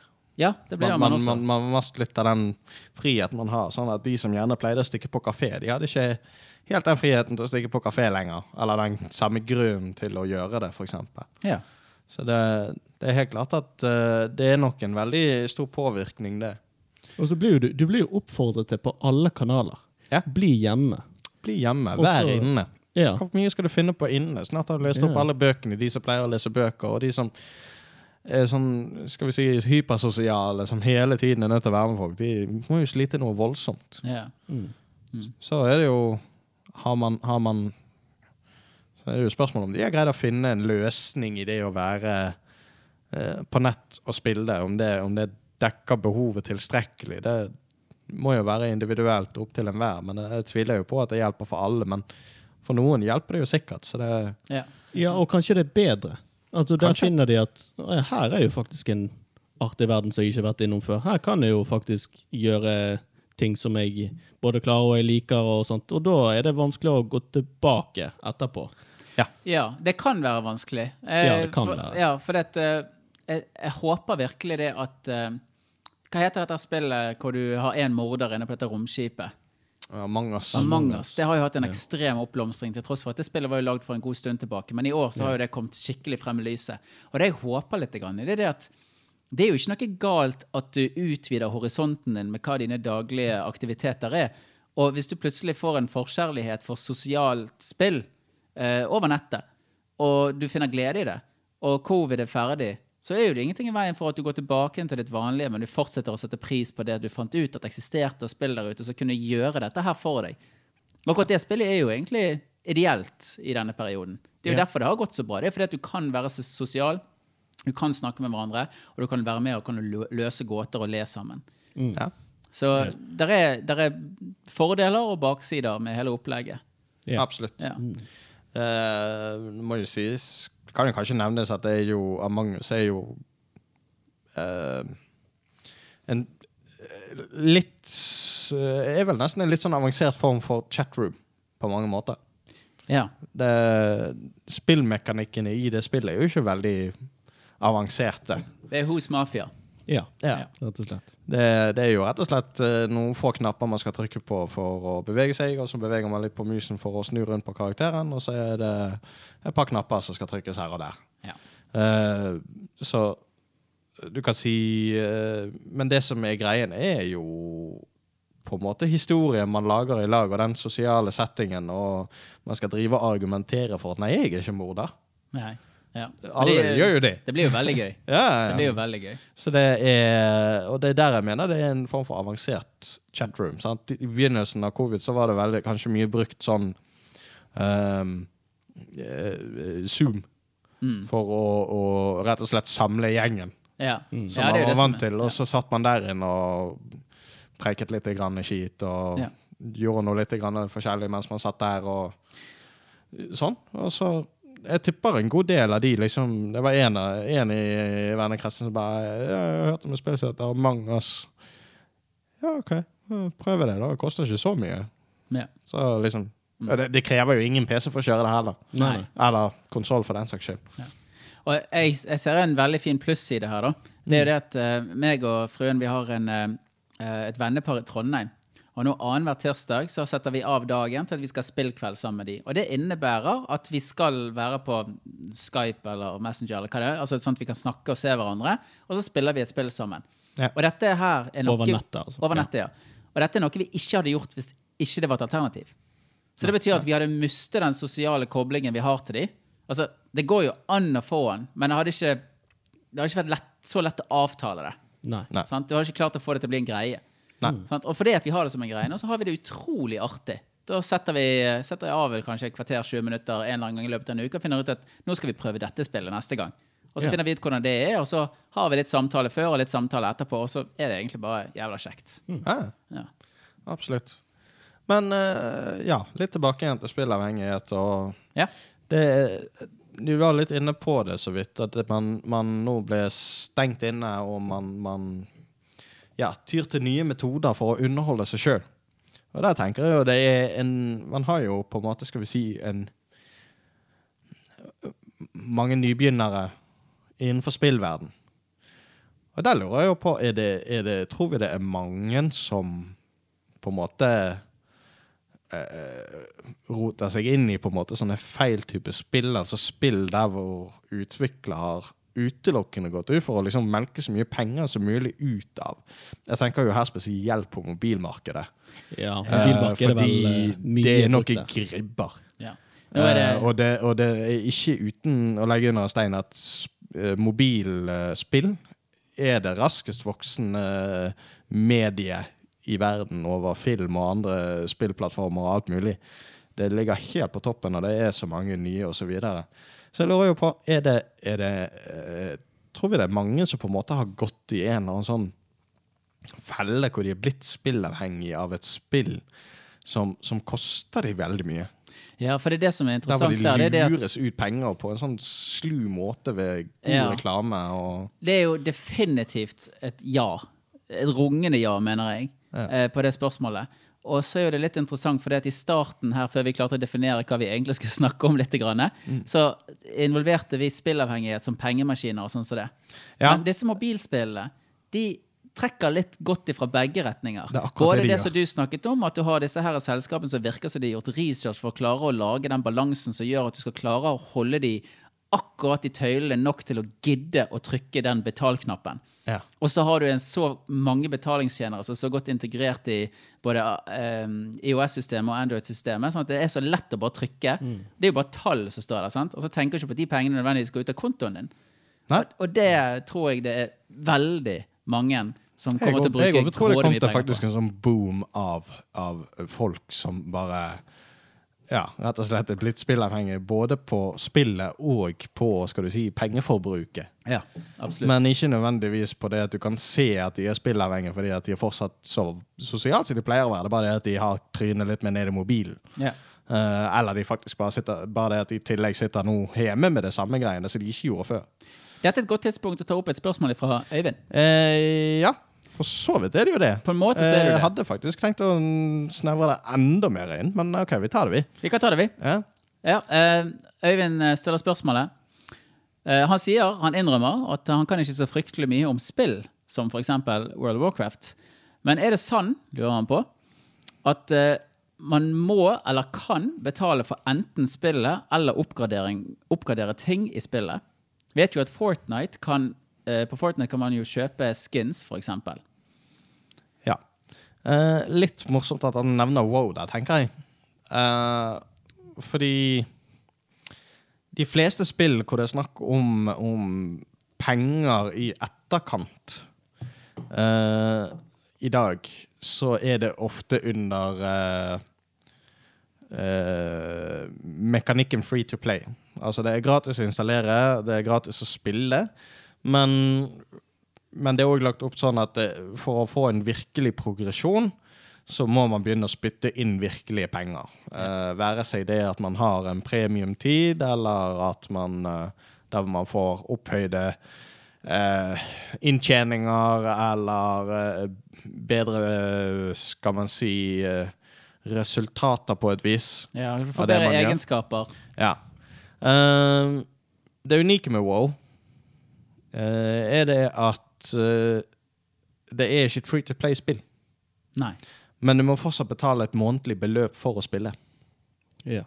Så spillet i seg sjøl, når det kom ut, så kostet det penger. Det var, eh, det var jo trippel A-spill, ble lansert som et trippel A-spill, men en litt rimeligere type. da. Så du måtte altså punge ut den tid da uh, 200-300 kroner, pluss at du da måtte inn med ja, ca. en hundrelapp i måneden for å faktisk spille spillet. Det er jo helt utrolig at de har tørt å gå inn på begge sider av den. Ja, ja, ja. Eh, nå vet, jeg vil tippe at eh, skal vi si trippel-A-spillet lå på en 300, kanskje 400 kroner på den tiden. I dag ligger de jo på 500-600 og nærmer seg 700, ifølge noen kilder. Ja, de har Jeg leste et eller annet sted at de tenker å gå opp, eller PlayStation. PlayStation eller går opp til 700. sånt. Ja, de går opp til 700. Ja. Eh, I alle fall. Um, det var nå bare sånn uh, lett, det. Men uh, som sagt, de fleste spill som går under free to play, der er det ofte ment at man går for At man skal bli, bli, fristet til å gå for en sånn premiumtid, da. Ja. Altså man, man gjør den generelle statistikken sin, inntjening, whatever, Ja. litt grann mer innholdsrik. Ja. Det skaffer for Eh, bedre balanse i økonomien på, på et spill. da. Og For å svare litt grann til Øyvind på enkelte av de spørsmålene som stiller her Når det gjelder akkurat World of Warcraft, så har de et level-system. Og For å komme seg opp et level, så er du nødt til å gjøre noe som heter grinde. Og grinde, det betyr at du Det kan du gjøre med f.eks. at du dreper veldig, veldig, veldig mange enkle eh, eh, dyr, og hver gang du dreper en, så leveler du bitte, bitte lite grann, og så kan du komme deg opp på et nivå. Og skal du komme deg videre i spillet, så bør du være på et visst nivå for at du skal være sterk nok til å kunne klare å fortsette. Ja. Men sånn som Joakim forteller her nå, så er jo dette et spill som betaler et månedlig beløp, så du må spille det for å komme videre. Du kan ikke betale deg frem. Nei, det er akkurat det. Uh, I et free to play-spill så vil man jo kunne fortsette selv om man, man ikke nødvendigvis betaler. Ja.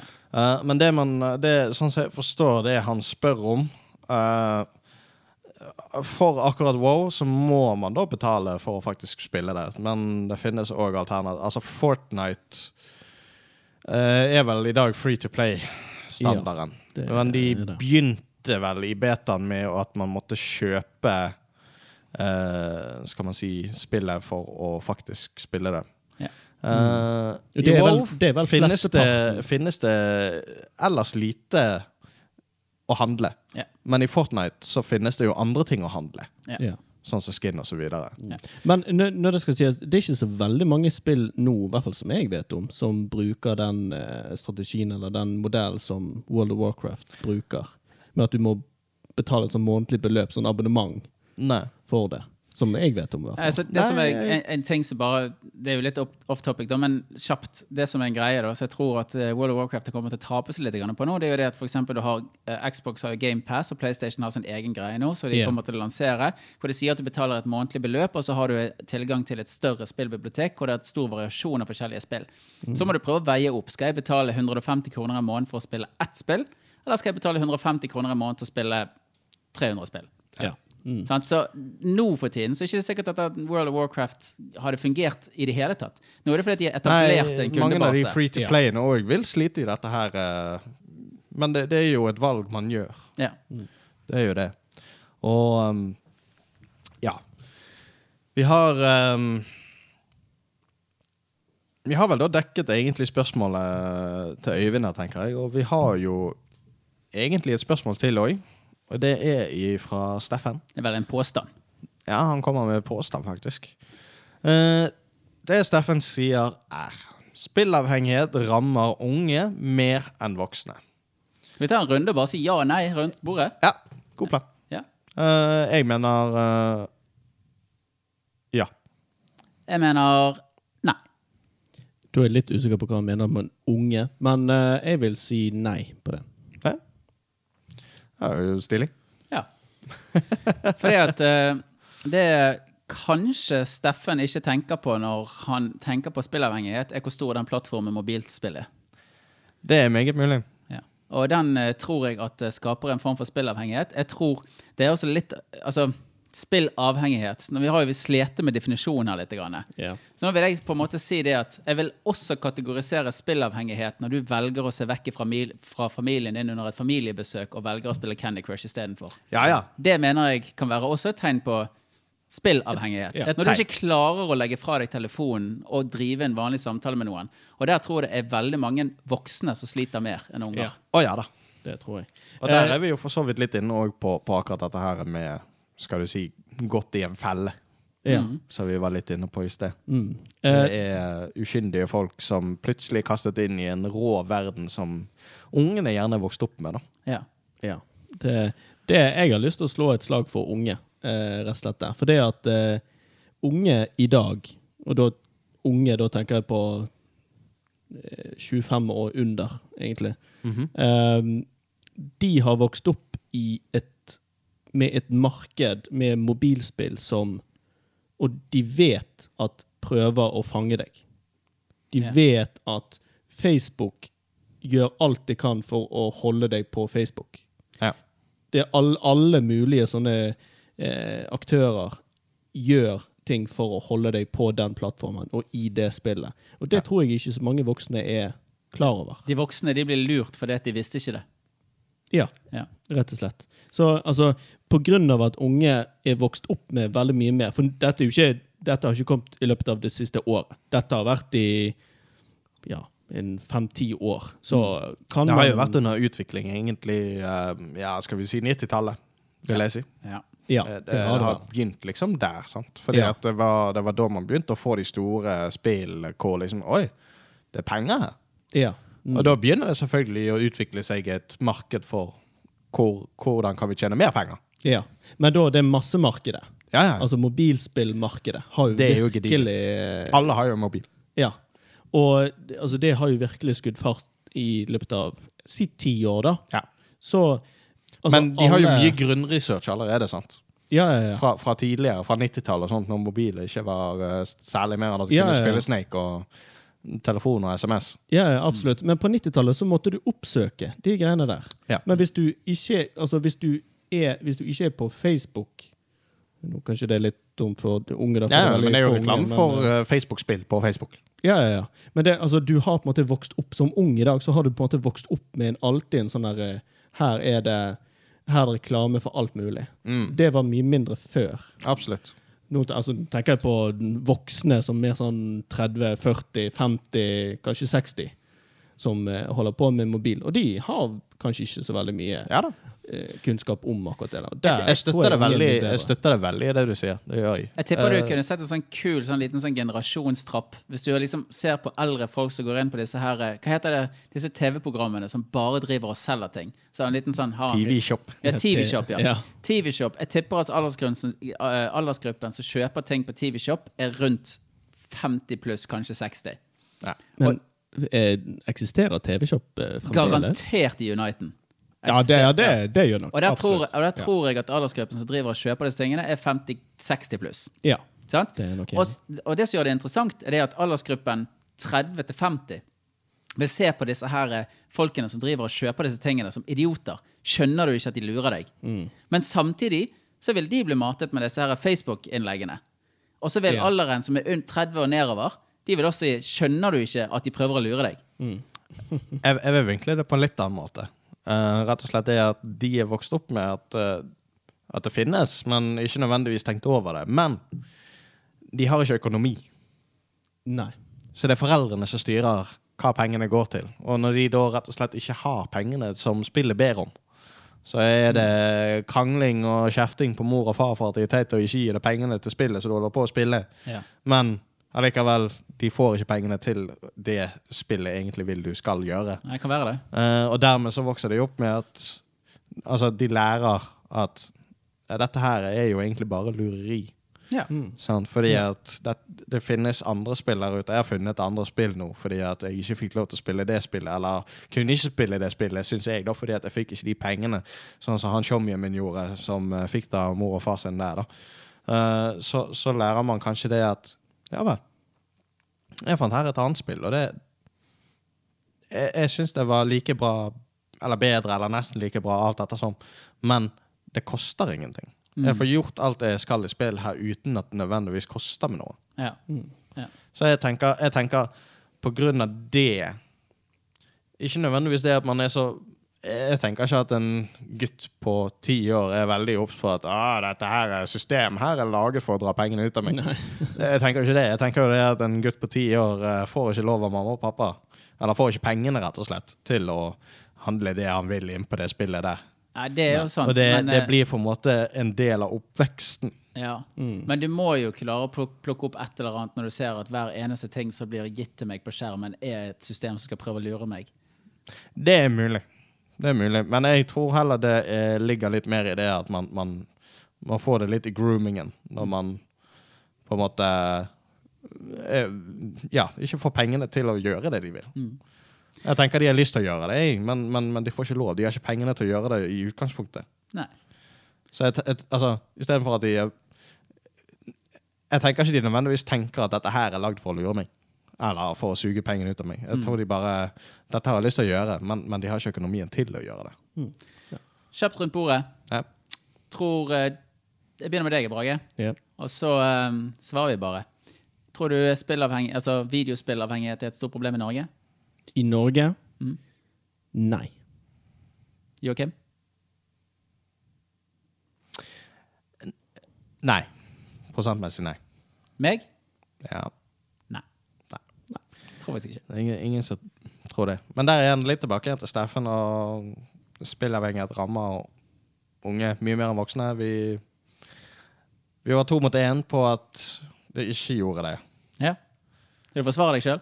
Eh, nei. bare, Jeg vet ikke helt om vi, vi landet uh, vi, vi landet den i en spørsmålsrunde, for så vidt. Ja, vi gjorde kanskje det. Ja. Ja. Nei, vi har vel kanskje Jeg, jeg følte kanskje- jeg, jeg, følte dekket jeg, følte jeg dekket det litt grann med å si Ja, det dette med mobilspill. Men eh, ja. Jeg syns han stiller et veldig godt spørsmål, et spørsmål som kanskje skulle vært stilt på eh, NRK, som er der som du leser dine artikler.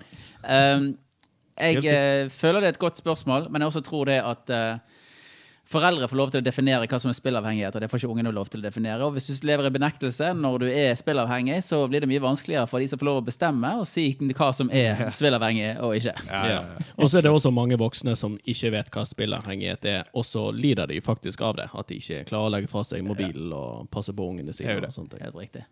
Det Det er går sikkert begge mye veier. dobbeltmoral ute og går òg. Garantert. Ja, Garantert. Um, ja. Vi, vi legger den død, vi. Da er vi videre. Ja. All right. Nei, det er jo et forferdelig godt spørsmål. Jeg Kan umulig stemme. Det skulle jeg aldri tenkt på før. Det er ikke sånn. Helt Urimelig. mer om dette her, Dette er urettferdig. Vi må jo bare spørre. Dagens tema. Ja. Det var altså uh, spillavhengighet. Uh, er det noe bare sånn helt avslutningsvis vi føler vi kanskje glemte litt, eller? Ja, altså nå hadde vi jo med Vi snakket jo om eh, Eller vi hadde et lite segment forrige gang med mikrotransaksjoner. Eh, Godt poeng. Det, og det går jo litt inne på dette her, eh, med Ja. spillavhengighet. Mikrotransaksjon var en eh, rant, og den summerer opp egentlig veldig mye hva det egentlig innebærer at eh, mikrotransaksjoner eksisterer. Så kunne du tenkt deg å forstå liksom, litt større bilde, så er det bare til å høre gjennom forrige episode. Ja, det er for så vidt sant. Ja. Den tar iallfall veldig godt for seg eh, hva denne reklamemaskinen i spillindustrien er for noe. Ja. Så det er rett og slett utsluking av pengene til folk. Ja. Men ja. Hvordan, eh, jeg vil bare si det at uh, ut ifra den samtalen vi hadde, så vil jeg sjøl selv bare si at vi konkluderte vel litt mot at spillavhengighet er når du velger å gjøre det som er godt for deg, vekk, og heller bruker tiden på å spille for å skjule deg sjøl ifra det vanskelige. ja. Ja. Det, det er det og, og komboen med at man bruker mer penger enn man gjerne burde. Ja. Mm. Det er sant. Så kan vi jo kanskje summere det med. Ja. Men eh, da tenker jeg vi bare hopper rett videre. Jeg. Vi gjør det. Ja. Sånn kan det bare ikke være! Nei, vet du hva?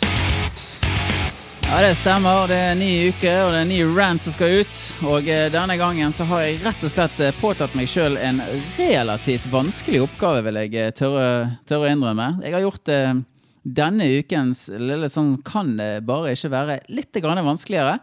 Igjen så er det en eh, lidenskapelig tema, men eh, kanskje litt lettere tema. Og i slutten av denne ranten så vil jeg bare si det at jeg er blitt gammel. Det kan jeg innrømme. Eh, jeg har andre syn på ting, og jeg ser paralleller mot eh, de tingene kanskje mine foreldre sa til meg. Men jeg stiller fremdeles enkelte spørsmål. Jeg har lagd denne renten i dag fordi at jeg vil at folk rett og slett skal stille litt spørsmål til seg sjøl. Og dere kommer til å forstå hvorfor. Året er 1988. California, USA opplever en voldsom rasisme blant fylkesmaktene. Politibrutaliteten er et faktum og blir styrt ifra oven og ned. De fleste velger å se en annen vei, og velger å tro at denne verden er en innbilning. I byen Compton syd-sydvest for Los Angeles vokser en uttrykksladet gruppe seg. Sjangeren er rap. Men ikke slik folk kjenner den. Bandet NWA, som selverklærte seg, seg selv for å være verdens farligste gruppe. Og de skulle vise seg å endre rappindustrien for alltid. Straight Out of Compton var Niggas With Attitude, altså NWA, sitt debutalbum. Og er blitt kåret til et av verdens mest innflytelsesrike album noensinne produsert. Albumet endret hiphopen med sine skildringer rundt gangsterlivet på 80-tallet. Albumet nådde i 2003 Rolling Stones 114.-plass blant de 500 beste albumene noensinne. Fuck the police coming straight from the underground, synger de, mens amerikanerne samles i protest mot albumet. MTV og radio nekter å spille låtene. Politiet nekter å stå vakt på NW, NWAs konserter, og til og med FBI blir etter hvert involvert. Dette var musikk som betydde noe. De ga rasisme et ansikt, åpnet verden for brutaliteten som ble vanskelig å ignorere. De opplyste om livet i tøffe nabolag. De tvert igjennom endret folks holdning på begge sider av den rasistiske muren. Nå trengte ikke folk å late som lenger på film og TV. Dette var den brutale verden vi alle levde i. Med årene som gikk, utviklet West Coast Rap seg til å bli en stor industri, og pionerene i NWA hadde, gjort, hadde gjort klar bane for en verden i forandring. Og så Oh yeah, Zone, yo, macaron, yeah, macaron, no. Ja, det stemmer. I 2006 kom artisten El Mudo ut med låten Shakaran Macaron. Låten ble en stor hit og var annet å finne på UKs single charts topp 20. Låten ble i all hovedsak kjent når den ble brukt sammen med en gif, og vi kan få se Batman, spilt av Adam West, bli dopet i en scene fra den, en av de første episodene som var vist i fra 1966. Låten ble på alle måter først og fremst kjent pga. sine tullete lyder og tøysete framvisninger. Det var det useriøse og flåsete med låten som gjorde at den var artig å høre på. Men eh, vi tar og spoler litt frem i tid. Rap har vokst og ryddet vei for mange undersjangere, som boom bap og gangster-rap og alternative rap og melodic rap. Og, fra og med 2016, etter vår kjære talentfulle artist Wiz Khalifa myntet en ny sjanger, den fantastiske, nyskapende mumble-rappen. Mumble-rap, som navnet tilsier, utmerker seg i hovedsak rundt det at man synger enkle, til dels uforståelige tekster. Bruken av begrepet mumble-rap har nå også utviklet seg til, å, til at rapperen som legger lite vekt på lyrikken. Tekstenes innhold utspenner seg fra å være egosentriske og nihilisk til alt rundt sex, narkotika og masse, masse penger. Artisten legger ofte inn ord som ja, ei, ø, bitch, skrøtt på starten og slutten av setningene sine. Og stemmen blir ofte autotunet i veldig høy grad. Personlighetene vi ser blant disse artistene, utmerker seg også. Og det kan du også se på utseendet. Du kan spotte en mumble-rapper i mengden om du ser etter en person med masse farger i håret, smykker og ringer som tilsynelatende koster svimlende summer, og en litt vid T-skjorte. Du kan annet spotte mumble-rapperen Lill Uzi Vert, som for øvrig nådde niendeplass på VG-lista Topp 20. Om du ser etter en person med en 11 karats upolert rosa diamant til, til en verdi av 200 millioner kroner operert inn i pannen. Den kostet visstnok mer enn Bugattien, huset og alle de andre bilene hans til sammen. Det kan virke som at tidens tann har gitt 26-åringen noen oppgraderinger i hooden. Wikipedia definerer rap som musikk som trenger å ha innhold. Altså hva som blir sagt, flow, altså rytme og takt og leveranse, altså tone i låten. Jeg skal prøve å strekke meg litt her. Jeg, jeg skal jeg, jeg, jeg, klarer det faen ikke. Jeg, jeg klarer det faen ikke. Jeg har ikke lyst til å sammenligne epler og appelsiner, altså, men helt seriøst.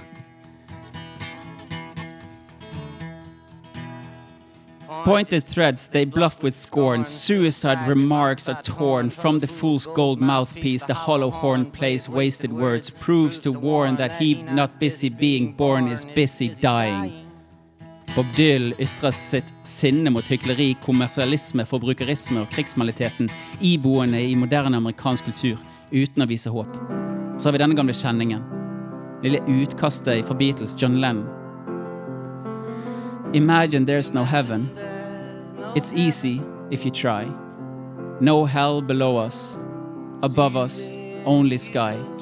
Imagine all the people living for today. You may say, I'm a dreamer. John Lennon snakker om alt som sidestiller oss, alt som gjør oss likeverdig. Ved å ta vekk alt det som gjør oss forskjellig, forteller han hva sterk tro, religion, politikk, grådighet og enerett gjør med oss. At i en verden hvor vi kan fordrive de tingene vi blir fortalt at det er viktig, kan vi bli samlet igjen.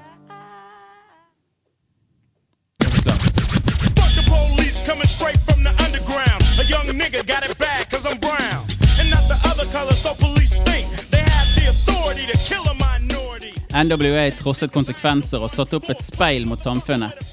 Og Selvfølgelig. Jeg forstår det. Jeg har blitt gammel. Jeg mener personlig at man skal like akkurat hva musikk som man vil. Jeg forstår at musikk er i endring. Det har jeg sjøl opplevd i min egen oppvekst. Jeg vil være den siste til å si at det jeg hører på er riktig, og det andre hører på, det er feil. Og gudene vet jo at det har vært produsert mye rar musikk opp gjennom tidene. Mine foreldre forsto heller ikke appellen med det jeg hørte på. Det var stygt, og det var bråket, og det var ikke skikkelig musikk slik som de lagde før i tiden. Når jeg var liten, så hørte jeg på ting som Michael Jackson. Jeg husker jeg satt oppe på barnerommet til Tore, og han kunne fortelle meg at Michael Jackson står på scenen, så står han og gren på ordentlig fordi de stakkars barna som sultet i Afri- Afrika. Og under Earth Song, eller når vi var på fest. Og så hørte vi på Aqualene når hun skulle synge denne Barbie-poppen sin. Og vi danset og vi koset, vi var så glad. Og den gangen jeg ble sendt ut på kjøkkenet, for jeg skulle gjøre oppvasken, og jeg fikk låne minidiskspilleren til en kompis, og jeg fikk høre gjennom alle albumene til Offspring. Og jeg kunne vasket ned hele jævla kjøkkenet, og ut av det blå så var han der. Eminem. Han står der! Kan du tenke deg å være en flue på veggen og høre innspillingen av Kim med det engasjementet som han hadde kommet med, den innlevelsen? Og det er på alle måter foreldrene mines rett å si at dette bare var bråk. Men her kommer jeg dessverre til en skillevegg. Rap startet med å fortelle budskap. Det var et lyrisk virkemiddel som forklarte en virkelighet, en følelse, en måte å leve på. Rap var rytme og takt. Rap var ord med tyngde som skulle bidra til en ytterligere forståelse av noe. Og når foreldrene mine ikke forsto appell i den forferdelige musikken jeg hørte på, så lurer jeg på om dagens foreldre hører akkurat det samme som mine gjorde, når de i dag sitter igjen med dette. Det vi nå hører, er Shack West sitt mesterskap, Mo Bamba, en av de store. Her kan du høre at han har lagt autotune på stemmen sin på å prøve å følge en ganske enkel bassgang og bomme. Dette er det vi lever med i dag. Det er bitch, det er monies, og det er det. Og vi kan bare hoppe videre. Prøv å telle hvor mange Lill Pump Hvor mange ganger Lill Pump sier Gucci Gang. Skal vi prøve? Én, to, tre, fire, fem, seks, syv, åtte Åtte ganger, i hvert fall bare der. Og så husker jeg at Rihanna hun fikk pes fordi at hun sa umbrella eller eller eller for mange ganger. Og Lill Pump stopper ikke der. Han bare fortsetter å si Gucci Gang. Hva faen er Gucci Gang? Ja, det holder nå. Så har vi tilbake til Lill Uzi Vert. Du husker han fyren? Han som kom seg opp på topp 20-listen? Han som hadde diamanten i trynet? Dette er det de hører på. Dette er det vi har kommet til. Så ja. Jeg skal bruke min alder, og jeg skal bruke min ignoranse til fordel for det som kanskje kan virke som et utdatert og druknet poeng. Men jeg har en ekkel følelse av at musikk ikke lenger er det det en gang var. Misforstå meg rett. Det er masse god musikk som fremdeles blir produsert. Men jeg stiller spørsmål til lytteren. Til tyngden og betydningen av musikken. Har vi sluttet å lytte, eller har vi rett og slett bare sluttet å bry oss? Den voksne sjangeren som er mumble rap, gir meg ingen verdens ting. Hvor mye penger eller biler du eier, hvor mange damer du ligger med, hvor mye juveler du kan få operert inn i trynet ditt, har ingen betydning for verken meg eller noen rundt meg. Jeg ser ikke opp til disse personene. Vi lever i en veldig skummel verden hvor jeg bare føler at det er hele tiden noe som er på rangen til å skje et eller annet stort. Og jeg mangler musikken som kan opplyse meg, eller som kan gi meg den følelsesmessige identifiseringen som jeg trenger. Og da blir jeg så jævlig forbanna når jeg får levert millionærbarn uten sans for musikk, tone og dybde overhodet. Disse som bare spyr ut generisk og dritkjedelig støy. Kanskje verden rett og slett ikke orker lenger. Kanskje vi alle bare har gitt opp? Eller kanskje Kanskje det rett og slett er meg som er problemet. Kanskje jeg rett og slett velger å la være å lytte. Uansett hva det er. Sånn kan vi ikke Ja, faktisk, vi kan jo i grunnen ha det sånn, for det at musikk er subjektivt. Så Men jeg har i hvert fall min rett til å meddele. Sånn vil i hvert fall ikke jeg ha det. Amen. Takk for meg!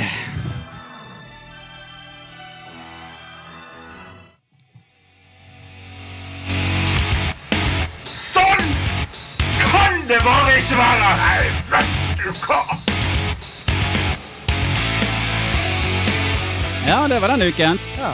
Ja. Jeg må jo si jeg støtter deg jo veldig mye det du sier her, men der igjen det har vel aldri vært min type sjanger. Nei. Oi, prosit der, lille venn. Jeg må, jeg må si meg egentlig veldig enig i det. det den, eh, den musikken som var eh, Men jeg, jeg er veldig enig på at det er ikke- Altså, jeg Kanskje litt sånn er det, altså, For det er veldig mange unge som hører på dette. Men er det sånn at jeg faktisk er blitt for gammel til Ja. å høre på den musikken? Men det, jeg, jeg kan ikke bli for gammel til å høre på musikk. Det går jo ikke an. Nei, nei, nei. Nei. Nei, Men, det, men eh, jeg, må, jeg må jo bare få lov til å si det at når du dro fram dette her millionærbarn, et eller annet greier Vet du hva som datt inn i hodet på meg da? hva da? Friday, Friday, gotta get down on Friday. Nok et utskudd av det kvalitetssikre. Yes. Ja, ja. Gamle, gode, gamle Rebecca Black. Ja. Nei, men jeg har eh, aldri, aldri hatt sansen for rap. Det kan jo ha noe igjen med mitt hørselstap å gjøre, men, eh, men eh, det- det gir meg ikke så mye, for det er vel egentlig bare masse Og så går det en eller annen kjedelig bit i bakgrunnen. Det er ikke noe mer enn det. ja. Nei, det er noe. Det er noe for noe. Men du likte jo Eminem. Det sa jo du. eh, Det var Ja, favorittalbumet ditt. Ja, ja, jeg er veldig glad i Eminem. Jeg er veldig glad i den, her, eh, den eh, måte originale rappen som sier noe. Ja. Som, rett, som ikke har Tupac sånn for life. Nå har ikke jeg, aldri, jeg har aldri egentlig vært så veldig stor fan av Jeg har jo fått inntrykk av at eh, he is the real OG. Ja, det Tupac var han. eh, medlem i NWA, han. Han var det Ja, han var en av de. Ja. Jeg har jo inntrykk av at han er jo den store forløperen egentlig til hele, hele verden. Ja, nei, det var jo det som var at Han prøvde jo å si enkelte ting om hvordan ting var. Ja, ja. Det har litt Ja. med det å gjøre, at han tørde. Ja. Og så ble han skutt et par ganger. Ja. ja, det var vel noe. Men han eh, Altså, det har jo Jeg er ganske enig på at det har tapt seg litt. Altså, når du snakker om eh, Jeg har ligget med alle de, og alle de eh, kvinnene her, for å bruke et fint ord, de eh, Ja. står ved siden av meg, og de er med meg overalt. Da, da er det sånn Ja, men eh, Ja. hva, hvordan er situasjonen din egentlig? Jeg liker, at du, jeg liker at du plukket tak i det poenget. For det var ikke, jeg prøvde liksom å si det at det er ikke musikken. Altså, Det er greit, det. Det er bare hva musikken står for. Det er det, Ja. jeg, ikke- det, er det jeg ikke forstår. Ja, ja, ja. Altså Musikk det er jo greit, det. Men er sånn, når, du, når det eneste du egentlig skal gjøre som rappartist, er å bruke ordene dine, og det skal liksom tilføye et eller annet, så er det bare skrutt, bitch! Yeah. Bitches and hoes and Gucci gang, Gucci gang, Gucci gang, Gucci gang. Ja, godt poeng. det er godt poeng. Jeg, jeg støtter deg som sagt veldig veldig mye som blir nevnt her. Så det Yes. Vi, eh, vi runder vel eh, snart av, men eh, det har vært en god episode i dag, vil jeg si. Vi har vært gjennom mye spennende. Det har jo vært eh, spillavhengighet i hovedtema. Ja. Vi har uh, hatt adjektiv, en særdeles morsom adjektiv historie adjektivhistorie. Jeg vil beklage til alle lyttere om at ikke vi klarte å holde masken hele veien igjen. Nei, det, det er derfor jeg tar på meg. masken. det var morsomt. ja det var, det Jeg skal, jeg skal begynne å kalle folk for vegg. Det er regler. Og ikke minst en aldri så liten uh, news. Ja. Ja, mm. det var news. Ja. En ny liten spalte. ja, så håper dere har blitt eh, litt oppdatert, i hvert fall, på Ja, et nå, par nå vet vi akkurat hva som er galt med verden. Så, Ja. jeg, hadde, jeg må helt ærlig si at jeg har ikke hørt om den Kunon-bevegelsen før, så der har jeg lært noe som jeg skal Ja. google. Mm. Ja.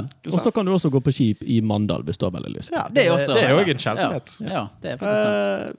Og så hadde vi avslutningsvis nå altså mumble rap med Gucci Gang, Gucci Gang, Gucci, Gucci gang, Gang. Gucci gang, Gucci gang, Gucci gang. Gucci gang. Så eh, før vi, før vi eh, Oi, oi, oi, jeg holdt på å glemme. Vi har jo faktisk hatt vårt første spørsmål. Ja, det har vi òg. Ja. Det må vi si tusen takk til Ja, alle ja. som har eh, sendt inn spørsmål. Det var jo veldig hyggelig. Liksom, jeg håper at vi kan på en måte fortsette å få inn litt spørsmål. Vi kommer ikke til å sette av tid sånn spesifikt før vi ser at vi får nok spørsmål inn til vi ser behovet for det. Ja. Men vi har veldig lyst til å svare på ting, og så ser jo vi Absolutt. i våre vokste vekstsår eh, nødvendigheten av å bli bedre ved hjelp av eh, andres meninger. Absolutt. Ja. Så uh, vi, vi gjør en lovnad om at uh, neste episode så skal vi ha en Facebook vi skal kunne si til, eh, til våre kjære lyttere om at her kan de gå inn og, og stille spørsmål og følge eller gjøre hva de vil. Det vil også være en plattform ut til oss utenfor, uh, utenfor episodene. Ja. Ehm, så da går vi egentlig bare rett til spørsmål til neste gang. Er det noe som har de klar? Jeg har et spørsmål klart her. Det visste jeg. Jeg kjører en klassisk dilemma igjen. jeg. Uh, Ja, jeg, spennende. Og dette er en solid en, mener jeg. Ja. Spørsmålet er alltid sokker eller aldri sokker. Oi! Ja. Eh, Stilig. Alltid. Så ok, så du er på stranden i Spania, og det er 50 grader i skyggen. La oss være ærlige om det. Du er ikke der så ofte. Men I hvert fall ikke opp. i år og i fjor. Nei, ikke, nei, det er sant. Koronaen eh, slipper billig unna på denne. Ja, ja, ja. Ja. Men da er det også når du sover. Ja, ja. Alltid. Alltid eller aldri. Alt. Det er ganske enkelt. Ganske, ganske, ganske rett frem. Ja. Du, Brage? Eh, Har du jeg har, eh, går rett og slett videre på det lille favorittemaet vårt. Ehm, da har jeg rett og slett spørsmålet hva, Har du et favorittuttrykk? Et sånn, et sånn, Oh. altså, og da er, det, da er det norsk uttrykk. Sånn, Oi. Og du begrenser sånn- det til og med til norsk. Ja, det er norsk uttrykk sånn som kanskje ikke brukes så veldig ofte. Eh, det er litt sånn artig, så du ikke hører så ofte. Som er litt sånn, oi, det var sånn- Når du hører det sånn Oi, det var et uttrykk som jeg ikke har hørt så veldig Jeg kan si den er vanskelig allerede. ja, det merker jeg òg. For det var jo definisjonen. Hva, hva er vanlig å høre? Ja, ja, det er det. Jeg går eh, Jeg holder meg nesten litt innenfor det samme, men, men se for deg du har eh, sånn her, et sånt skap, litt sånn som Narnia, som bringer deg til en annen verden. Men du kan velge hvilken verden det skal være. Ja, Hvilken reiser du til. Så men, men, vi- vi- men vi kan- Narnia kan- er jo en eh, oppfunnet verden. Så skal vi finne opp en verden, da? Nei, nei, nei. Men altså, det er jo en fantasiverden, det òg, i, den- i denne Ja, så vi skal liksom Hvis vi reiser til Narnia, så er det et fullt lovlig svar. ja, men det, men det, var bare det er en ekte fantasiverden, så vi skal ikke sitte her og greie ut om en verden som vi Nei da. Nei da. på. Det, det, altså, du, på en måte, du har en portal da, Ja. av et eller annet slag til en verden. Sant? Enten det er noe Narnia eller Pokémon. Ah, ok, jeg er med. jeg er med, jeg er med. Ja. Hvil- Hvilken, hvilken verden hadde vært på andre siden av døren, eller skapet, eller hva, hva du vil kalle det. Ja. Sant? Så vi, vi kan vel egentlig formulere liksom hvilken, hvilket fantasiunivers Ja. eh, ville du eh, kunne reist fram og tilbake til? Ja. Ja, Ja, ok. ok, Frem og tilbake til. Ja. Ja, ja, ja. Ja. Du, du, du du, kan kan, du kan være i denne verden, og du kan være i den andre. Akkurat som Narnia, på en måte. ja. Ok. Narnia kan de for øvrig ikke bestemme når de skal reise tilbake. Nei, men OK, jeg legger på det at du Ja, jeg kan bestemme. Du, du har et fast punkt. Ja. En fast skapdør. Ja. Ja. Så da eh, Da er vi ved veis ende. Ja. Og da vil jeg vel egentlig si takk til mine makkere Brage Takk, takk. og eh, Eivind. Tusen og så sier vi eh, tusen takk for i dag i pen unison om tre, to, én. Takk for i dag. Takk! Takk! Jeg skjønner ikke det. Neste gang.